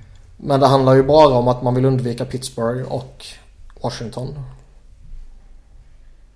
Men efter de, efter de två så är det väl Montreal som är bäst i Eastern liksom. Har ni tänkt på hur sjukt få poäng Plekanec landade på i år? Nej, jag har inte reflekterat över det. 28. Jag noterade dock att Ratko Gudas gjorde fler 5 mot 5 poäng än vad Shea gjorde. Mm. Det är ju lite skoj kan jag tycka. Det betvivlar jag inte. Uh, och bara 10 mål för Brendan Gallagher. Uh, det här kommer bli en häftig, häftig slutspelsrunda. Definitivt. Det är alltid kul att se eh, spelare som Andrew Shaw i slutspel också. ja. Lite grisiga. Ja, helt klart. Cavs har ju, eller Habs menar jag, har ju flera spelare som borde kunna vara väldigt roliga i slutspelet. På grissättet alltså? Både grissätt och skicklighetsmässigt. Eller både och. Mm. Alltså Gallagher, Galchenyuk, Radulov, uh, Shaw, Webber vet vi kan uh, flippa ur om du vill sig. Pacioretty kan vara rätt rolig. Uh, det finns lite, lite bra spelare ur den aspekten. Mm. Mm, alltså Habs har ju en klar svaghet i sitt djup. Där man är eh, på forwardsidan då. Backsidan skaffade man sig bra djup. På forwardsidan skaffade man sig dåligt djup. Mm. Eh, och det där kommer vara en svaghet. Det är väldigt... Det är svårt att vinna i slutspelsrundor om du inte har fyra kedjor du kan lita på. Och det har inte Habs.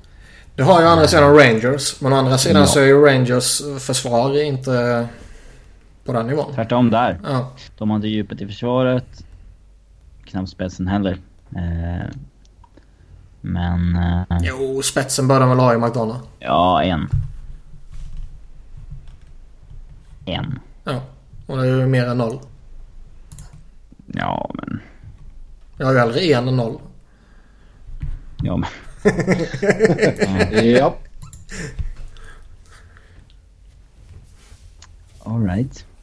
Men annars är det, Eh, ja, frågan är vad som är viktigast. Det är två bra målvakter, två målvakter som förmodligen kanske kommer ta ut varandra. Och sen har du ett lag med bra försvar och ett frågetecken bland forwards och vice versa i det andra laget. Så frågan är vad som blir avgörande.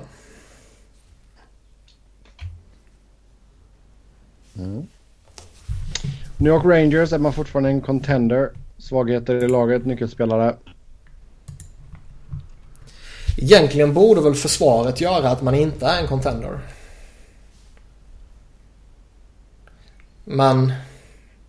Alltså jag tror inte Rangers kommer gå hela vägen. Men jag tror mycket väl Rangers kan eh, bli en obehaglig överraskning för många av lagen. Framförallt då med tanke på deras fina forwardsdjup och sen Henke Lundqvist givetvis.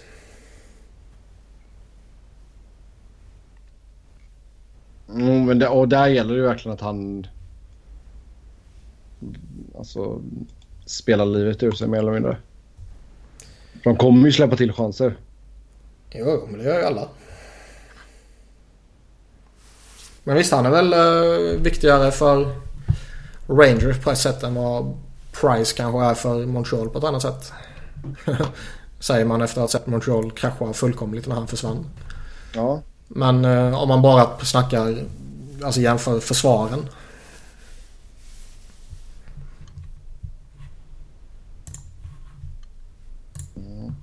Men det ska bli en rolig match här. Den känns eh, väldigt öppen. Ja, det, alltså, det här kan bli en sjua. Mm. Jag är nog ändå inne på att eh, Montreal tar det. Mm, 4-3 Montreal säger jag. Ja, jag är nog inne på samma. Ja, jag tror att man, Price kan vinna målvaktsmatchen. Så att... Uh, 4-3 i Habs också. Väldigt Kompenserat för att överens. Rang- Rangers har bättre lag i övrigt. Ja, eh, då eh, går vi in på Pittsburgh mot Columbus.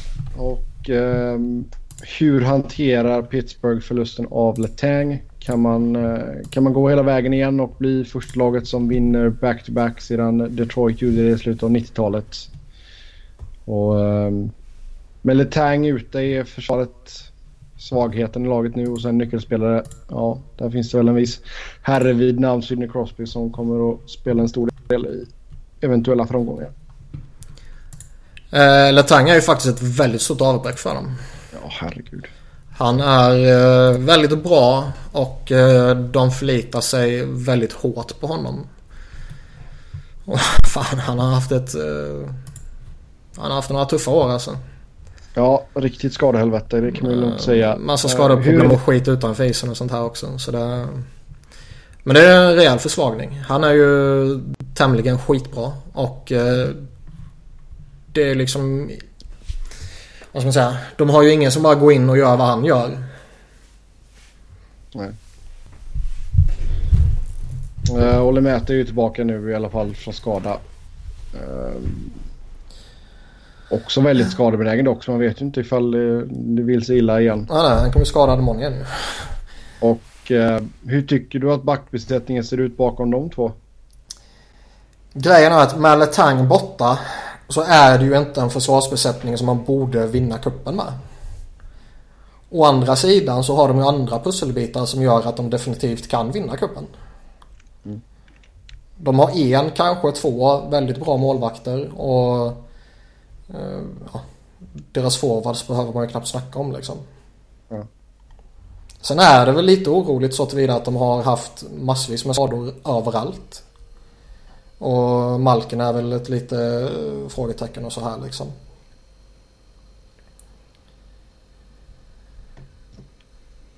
Ja. Nu gjorde Crystal Palace precis ett mål. Eller 1-0. Ja. Eh,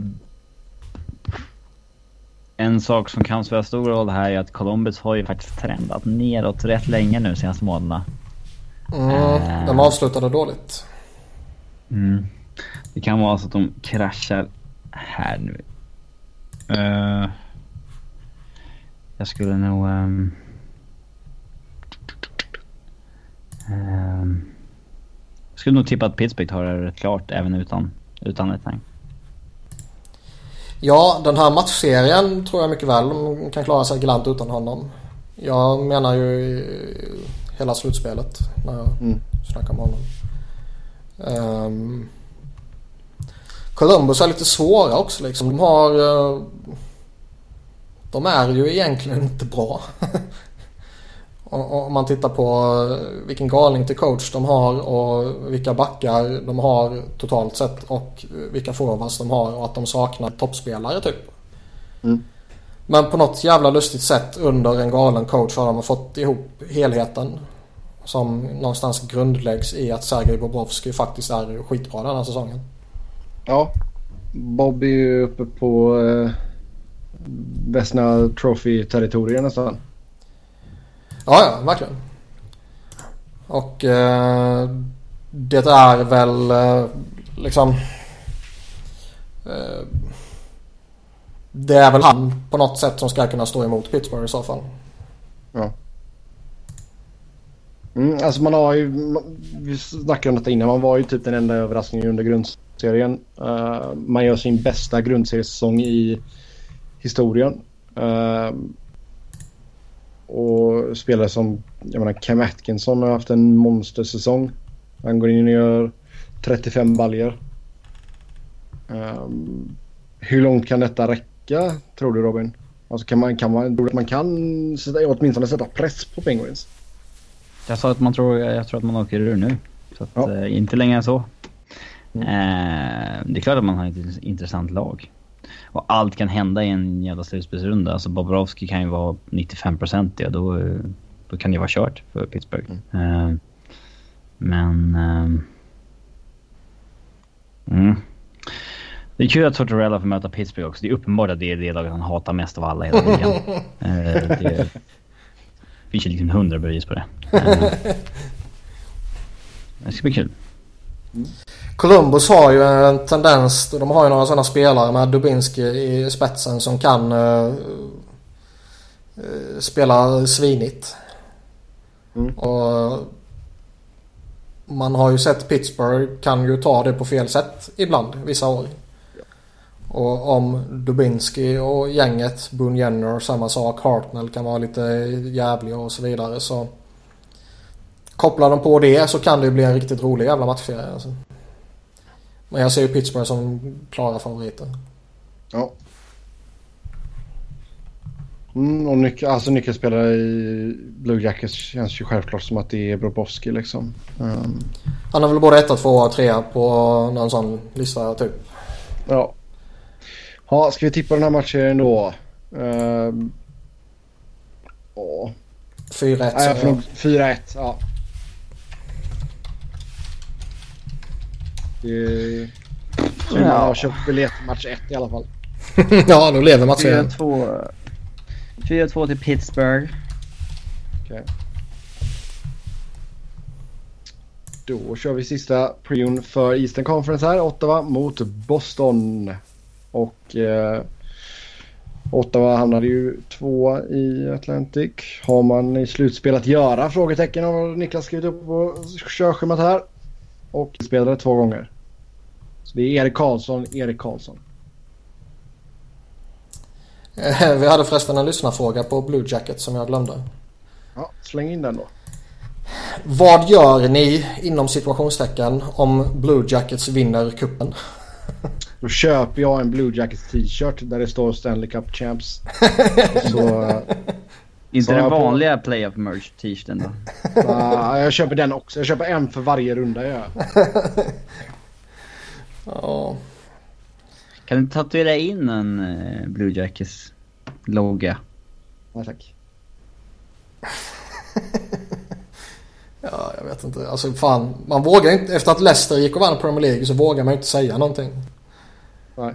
Ja, men det kan jag säga. Jag köper all uh, Blue Jackets playoff merch. All? Ja, men alltså en t-shirt för varje runda. Jag mm. köper inte någon jävla typ kaffekopp eller något sånt där liksom. Det är någon jävla måtta för det vara. De är användbara i alla fall. Ja. T-shirten kan jag bara vända ut och in. Ja, det är snyggt. Mm. Ja. Eh, nej, alltså det är... det, det är inte riktigt Leicester-nivå på en sån skräll men det tror Pelle att det skulle vara en, en uh, rejäl överraskning. Mm. Ja, nej, men för att gå tillbaka till Ottawa. Uh, det finns ju ett stort orosmoln i Ottawa och det är ju Erik Karlssons status. Mm. Där han ju har spelat på typ ett ben här mot slutet. Ja, det är klurigt. Och det är ju en mindre gynnsam situation för dem. Med tanke på att han är typ hela laget. Mycket. Eh, alltså jag vet inte. Även om Ottawa har liksom tagit sig till slutspel och sådär så de känns på något sätt inte bra på riktigt liksom. Där, uh, det känns... Därav min fråga. mm. Det är svårt att greppa dem som ett genuint bra lag. Uh... Ja, på, på något sätt känns ju hela laget som en produkt av Erik Karlsson typ. På riktigt. Ja, det känns som ett lag som Boston bara kommer köra över dem. Mm. Men det... De har ju typ varit jämnbra i år så det är fortfarande konstigt att säga men... Ja, så känns det. Jag, jag, jag kan sticka ut hakan och säga att eh, kanske vi har en sweep här. De har ju fått bra målvaktsspel dock denna säsongen. Craig Anderson har ju... Han ligger liksom på över 94 till 55 spelet. Eh, med tanke på vilka problem han har haft så är det ju en rätt bra säsong. Mm. Så kan han fortsätta spela på den nivån liksom så och Erik Karlsson eh, inte har så jättestora problem. Vilket det i sig verkar som att han har. Eh, men om han skulle bli mirakulöst frisk så... Alltså, så jävla bra är inte Boston.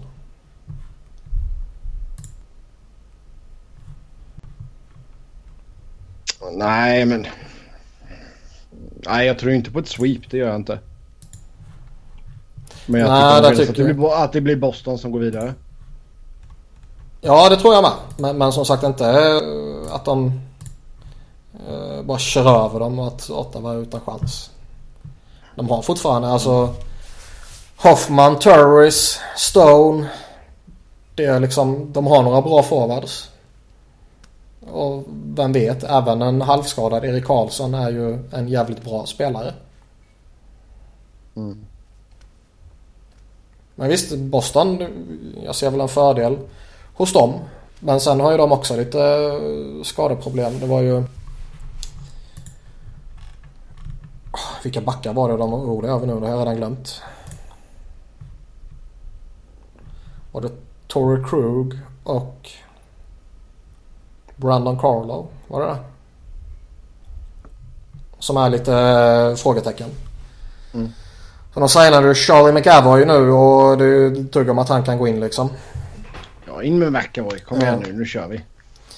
Kör och, pipen. och Tok Rask kan fortfarande vara en bra målvakt. De har eh, några bra backar och sen har de sin forward score som är eh, skitbra. Men du klämmer ut det allra sista du kan nu den tvätthandduken som är Zdeno Chara. Någonstans tycker man att han fortfarande bör ha någonting i sig så att han under en kort period kan liksom krama ur den sista jävla skiten. Mm. Uh, och har man liksom den första kedjan som de har och man får lite annat bra spel från Krejci och Backes och, och det där gänget liksom så... Ja, Boston borde ta det här tycker jag.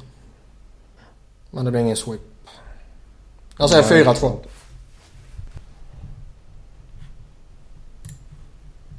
Nej, jag säger 4-3 till Boston. 4-1 till Boston. Uff, tre helt olika tips. Mm. Det var på tiden.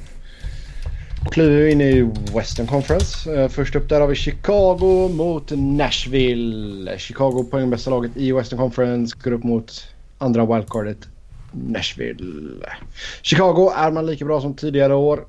Eh, svagheter och nyckelspelare såklart även här.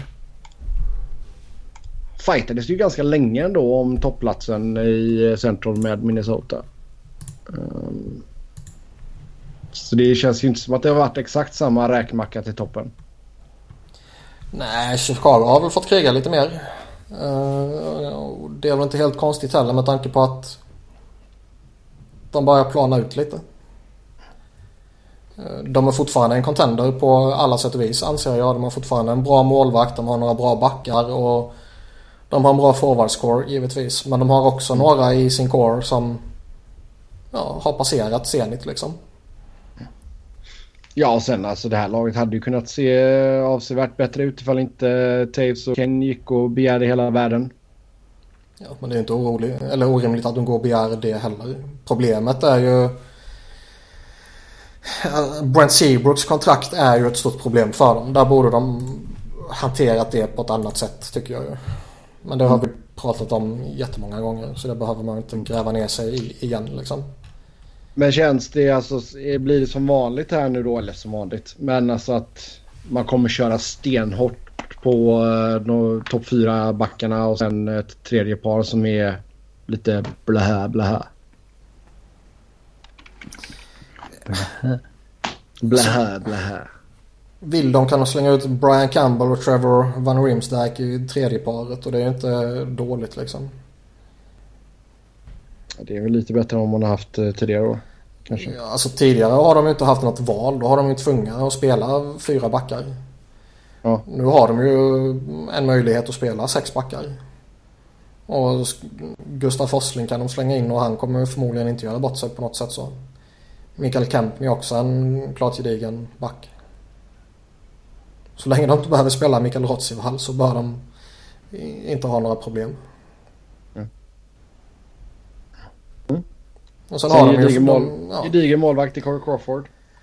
Ja, han är väl någonstans är han väl trots allt eh, strax bakom toppskiktet tycker jag. Ja, tillräckligt bra att vinna kuppen med, bevisligen. Ja, så har det varit ju. Ja. Jag menar deras forwardscore är ju jättebra. Även om de flesta som har lyssnat på podden länge vet vad jag tycker om Jonathan Toews så är han ju fortfarande en OK center. Och slänger man upp Patrick Kane och Panarin och det gänget runt omkring honom och Marian Hossa även om han börjar bli gammal så är han fortfarande en, en bra vinge och Anisimov är ju har visat sig vara väldigt bra mellan Kane och Panarin och sådär så. Mm. Jo och sen har du alltså som vanligt så har man ju hittat liksom från ett oväntat håll. Du fick ändå 22 mål från, från panik. Och som en balje från Hartman ja. liksom.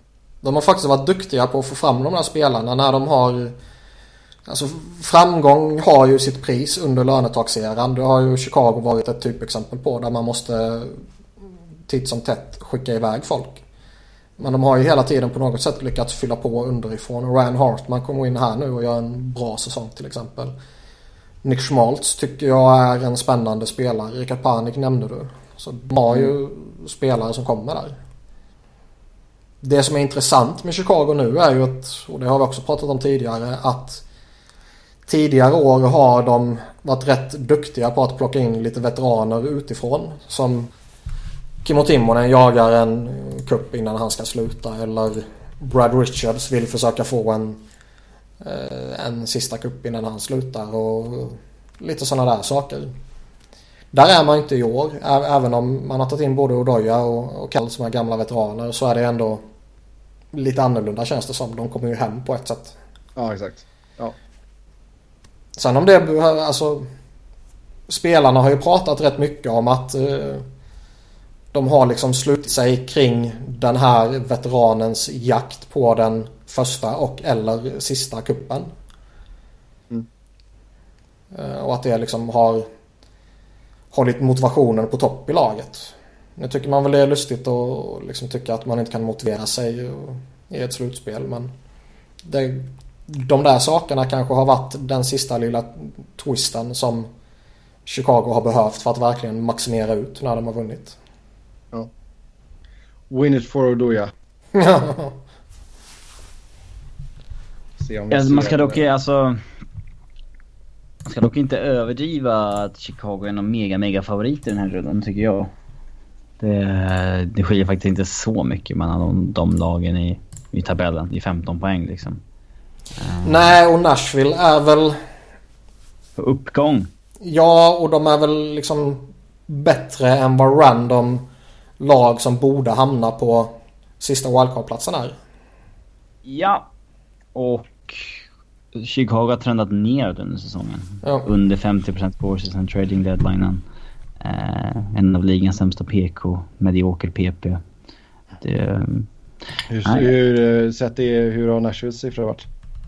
Eh, jag vet inte bra Karl. Får ge oss lite kontext. Kontext, ja. Med... Titta upp det nu medan jag och Niklas pratar lite om Nashville. Eh, är man bättre än vad tabellpositionen indikerar och eh, svagheter och nyckelspelare såklart. Även där. Ja, det sa jag ju precis att jag tycker de är. Mm. Uh, och...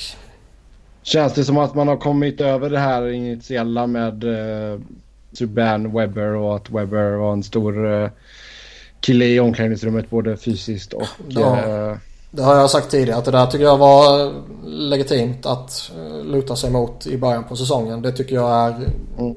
enkla bortförklaringar. Nu... Ja men du känner att man men... har kommit över det kanske? Ja, det måste man ha gjort. Har man inte gjort det så är det något seriöst problem i laget. Mm.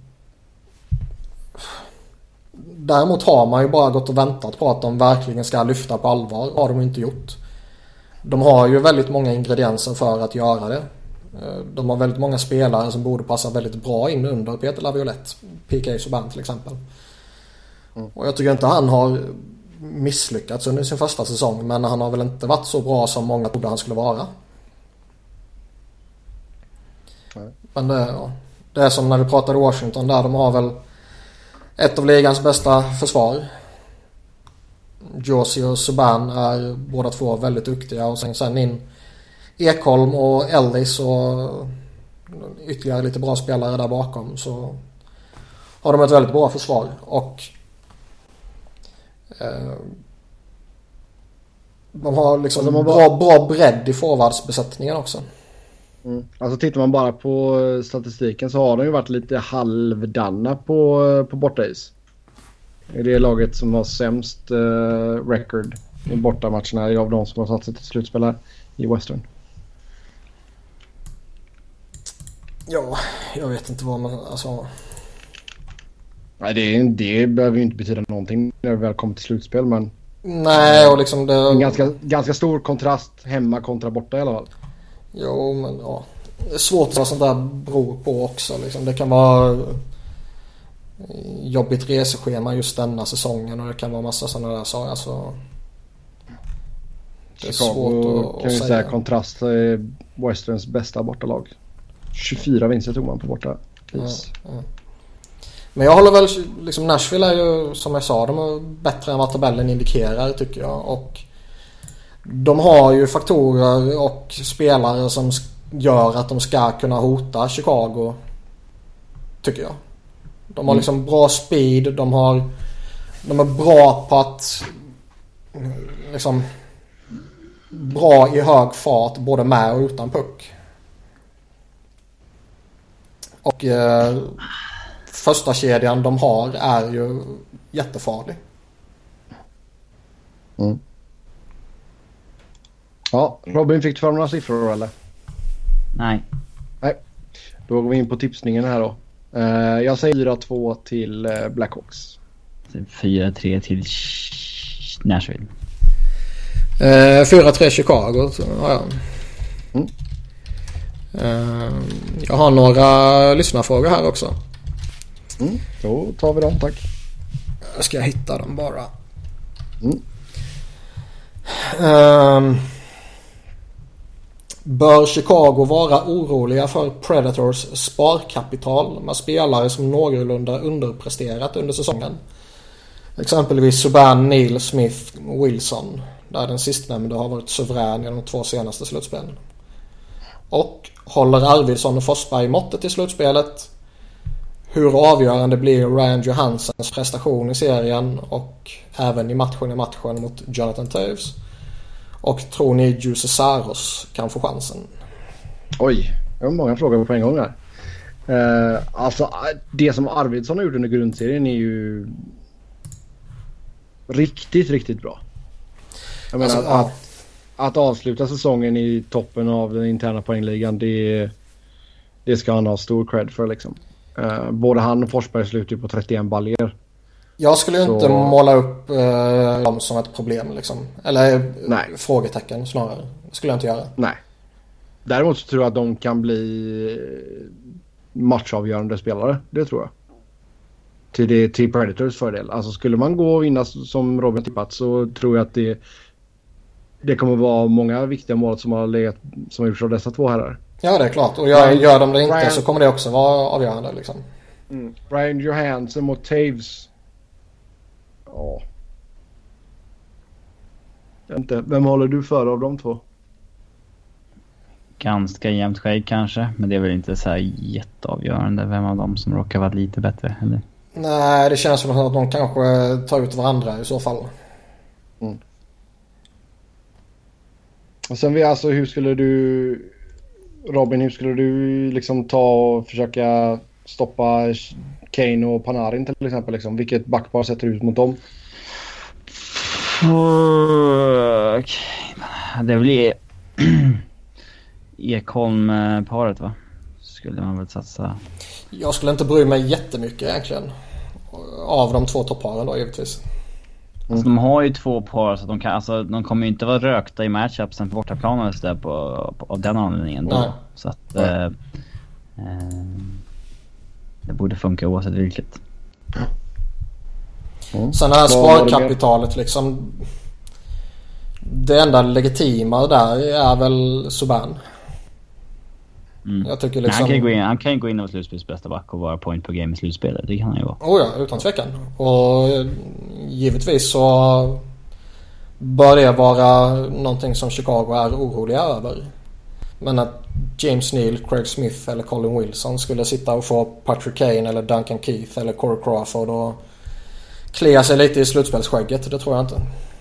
Nej. Men Subban givetvis. Mm. Uh, Jussi Saros Alltså jag har gärna sett honom. Um, Fast... Men det är alltså då får ju Pekka klappa igenom fullständigt två matcher känns det som. Ja. Ja, personligen vill föredra Saros liksom. Men uh, det är väl så mycket som talar för att det kommer bli Pekarinne. Ja. Och där är det väl lite som du säger. Då måste han ju klappa igenom totalt. Han får skeppa typ 10 mål på de två första matcherna. Ja, något sånt. Ja. Ehm. Mm. Ja, vi går vidare till Anaheim mot Calgary. Eh, uh, Ducks plockade hem Pacific Division, två poäng före Edmonton. Uh, Niklas, är du lite förvånad att man ändå gick och vann Pacific? Eh, ja, på ett sätt, på ett sätt inte. I grunden har man ju ändå ett, ett bra lag. Många skickliga spelare, en bra core. Flera bra backar, bra målvakt, bra forwards. Så det är ju liksom inte en skräll. Men Randy Carlisle är Randy Carlisle. Uh, man vet... Westerns svar till uh, Tortorella. ja, typ. Och man, man vet ju liksom inte hur en sån tränare som som han, en dinosaurie på det sättet och som i synnerhet har varit i klubben tidigare när vissa av nyckelspelarna var där också och de typ tröttnade på honom och slutade spela för honom. Så man vet ju inte riktigt vilken effekt det ger när han kommer tillbaka. Nu har han kanske var borta tillräckligt länge. ja, nu har det ju hittills gått bra för dem. Men det kan ju också bara vara en väldigt kortsiktig effekt. Uh, Raquel pissade in 33 mål under grundserien. Tror du han kommer fortsätta och pumpa in baljer i slutspelet? Ja, Han är väldigt bra på att transportera pucken mellan stolparna. Mm. Som det var någon coach som sa. Däremot, ja, han har ju en extrem shooting percentage. Och Ja, ja. den kommer ju droppa av så småningom. Men jag menar, har den hållit i sig en hel säsong kan den lika gärna hålla i sig i slutspel. Ja. Mm. Rakell hade 33 mål. Sen så var det Silverberg med 23. Liten mer normal shooting percentage där kanske. Rakell låg på 18,6. Eh, Silverberg 10,1. Och sen Kessler var trea med 22 baljor. Ja, det är lite crazy. Och sen hade Kessler har haft en förvånansvärt bra säsong. Mm. Och sen hade du Corey Perry med 19. Ja, det märktes att han hade haft lite oflyt tidigare under säsongen för han började ju verkligen komma igång här på slutet. Eh, nära 20 mål totalt.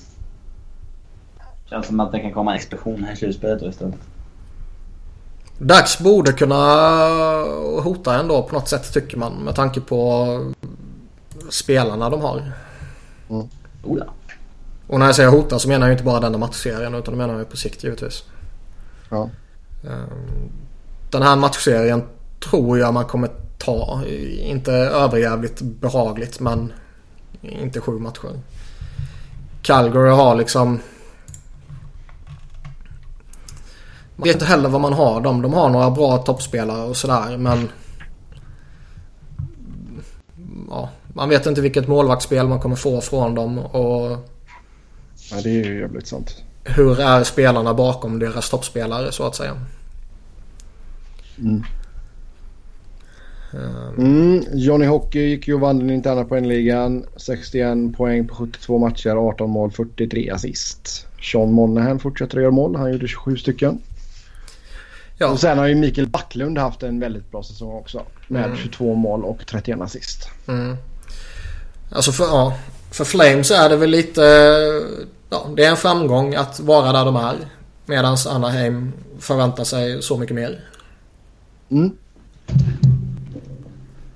Och jag menar som du sa där målvaktsspelet. Det är antingen en starkhet eh, eller en rejäl svaghet. Ja, typ.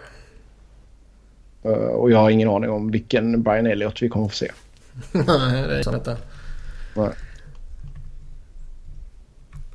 Men alltså på...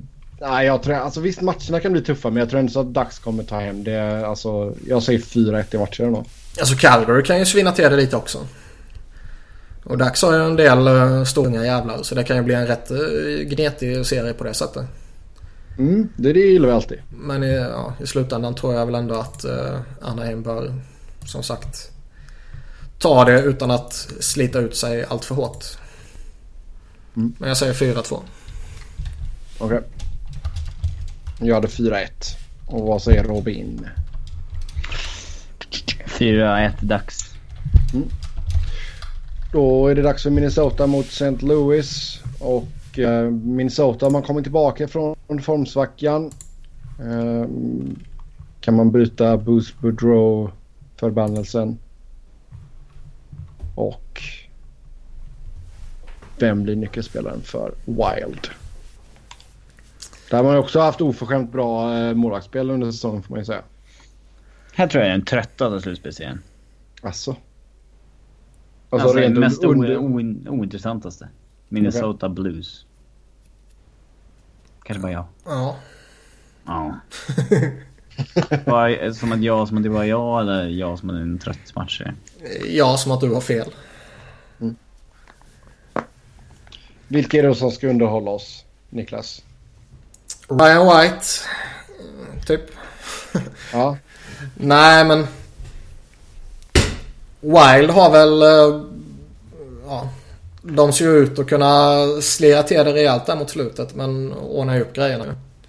Mm. Något sånär och... Eh, har ju i Ja, det stora hela gjort en väldigt bra säsong.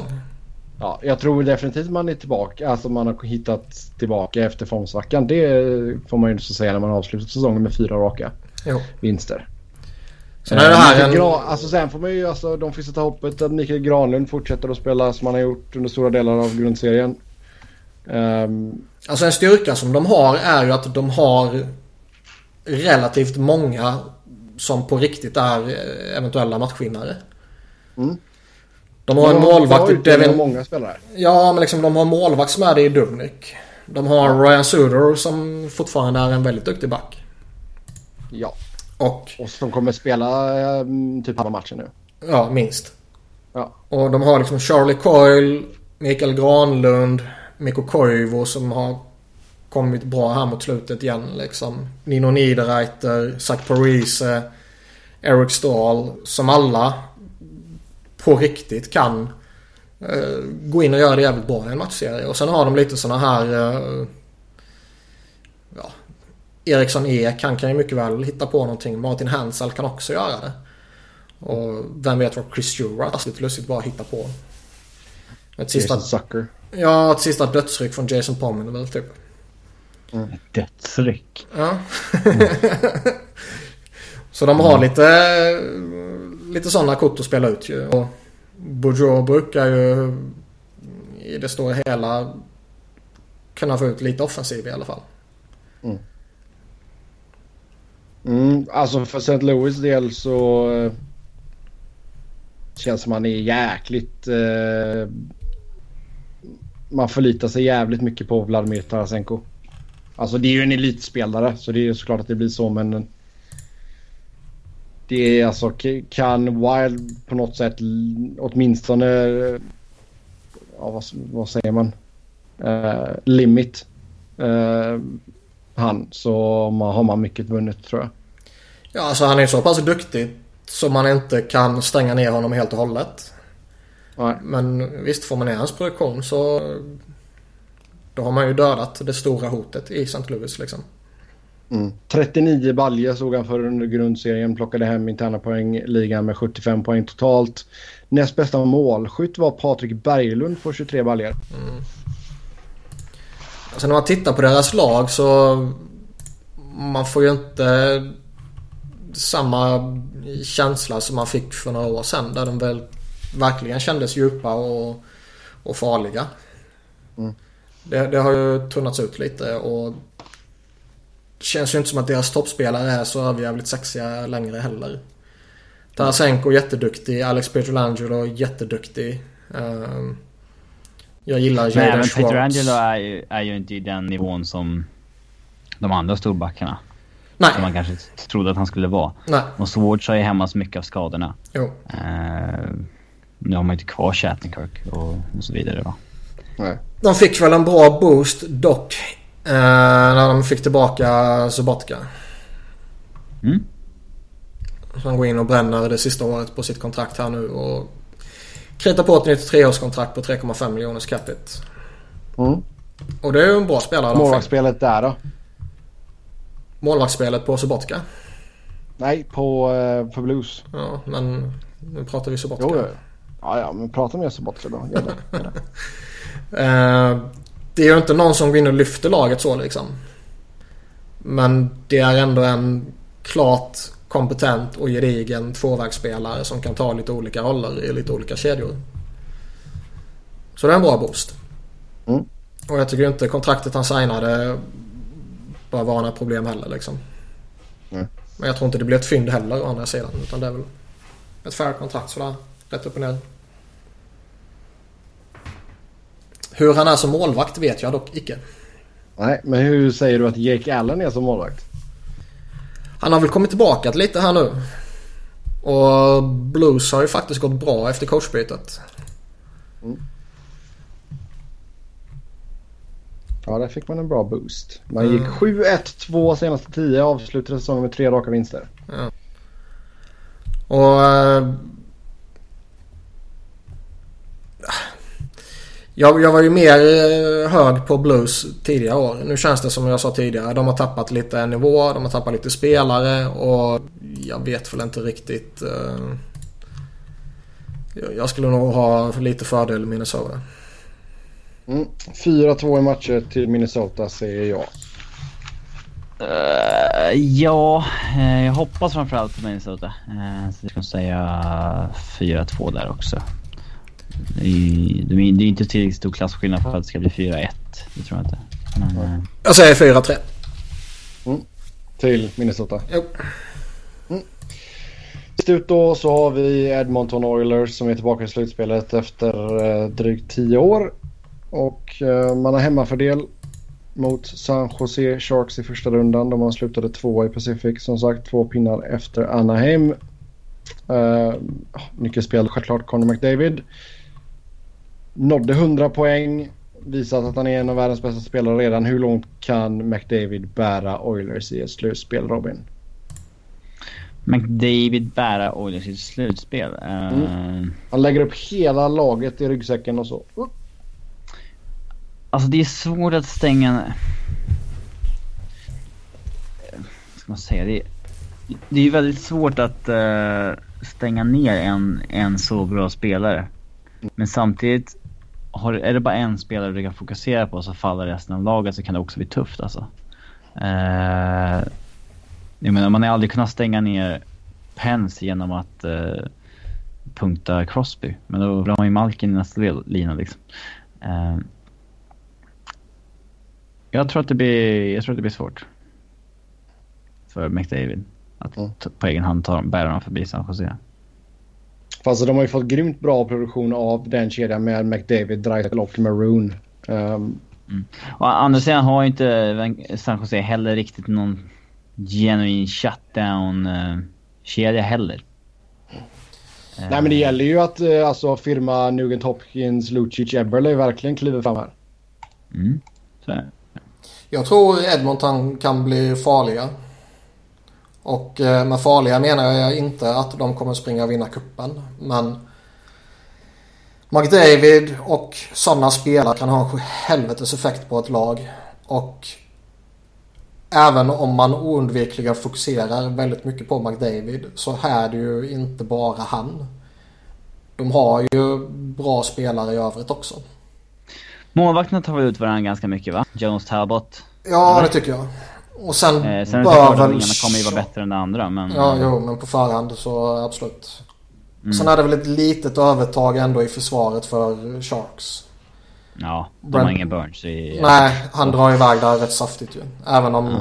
de har uh, båda svenskarna och Sekera är ju ändå helt OK backar liksom. Men de har inte den spetsen så det är en klar kvalitetsskillnad där. Och sen är det väl lite... Ja, ungt mot gammalt. Ungt mot gammalt och uppgång mot nedgång. Mm. Där eh, typ både Pavelski och Joe Thornton har haft sämre säsonger.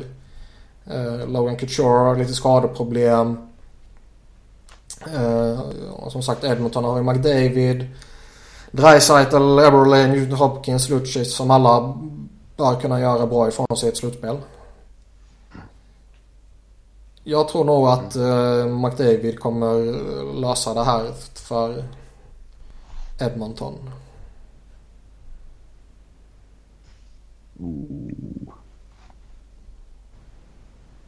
Ja, den här är jobbig alltså. Jag säger, en, så, jag säger fan 4-3 Sharks alltså. Sen har vi ju, det har ju varit svårt. Vilket lag var det? Pittsburgh vi pratade kanske. Det här med att gå långt två år i rad. Ja. Eller ja, i final i synnerhet då också går långt. Och det kanske kan bli lite jobbigare just i Sharks fall. Det är liksom ligans äldsta lag. Där eh, eh, några av deras nyckelspelare är lite gamla och så här och lite skadeproblem på det och eh, gått tillbaka ett litet halvsteg och det är också en jävla snabbhet mot inte så mycket snabbhet.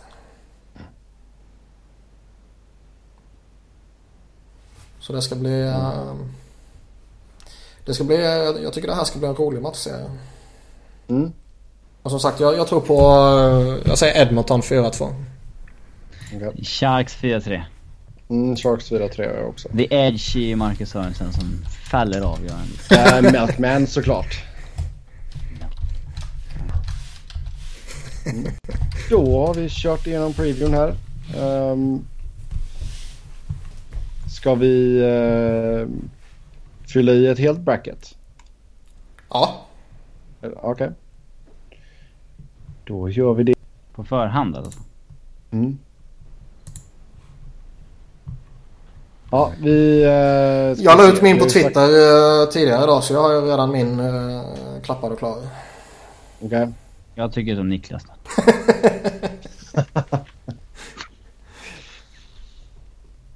uh, ja, Capitals uh, mot Penguins. Då tror jag ändå Capitals går vidare. Uh, från andra hållet så går...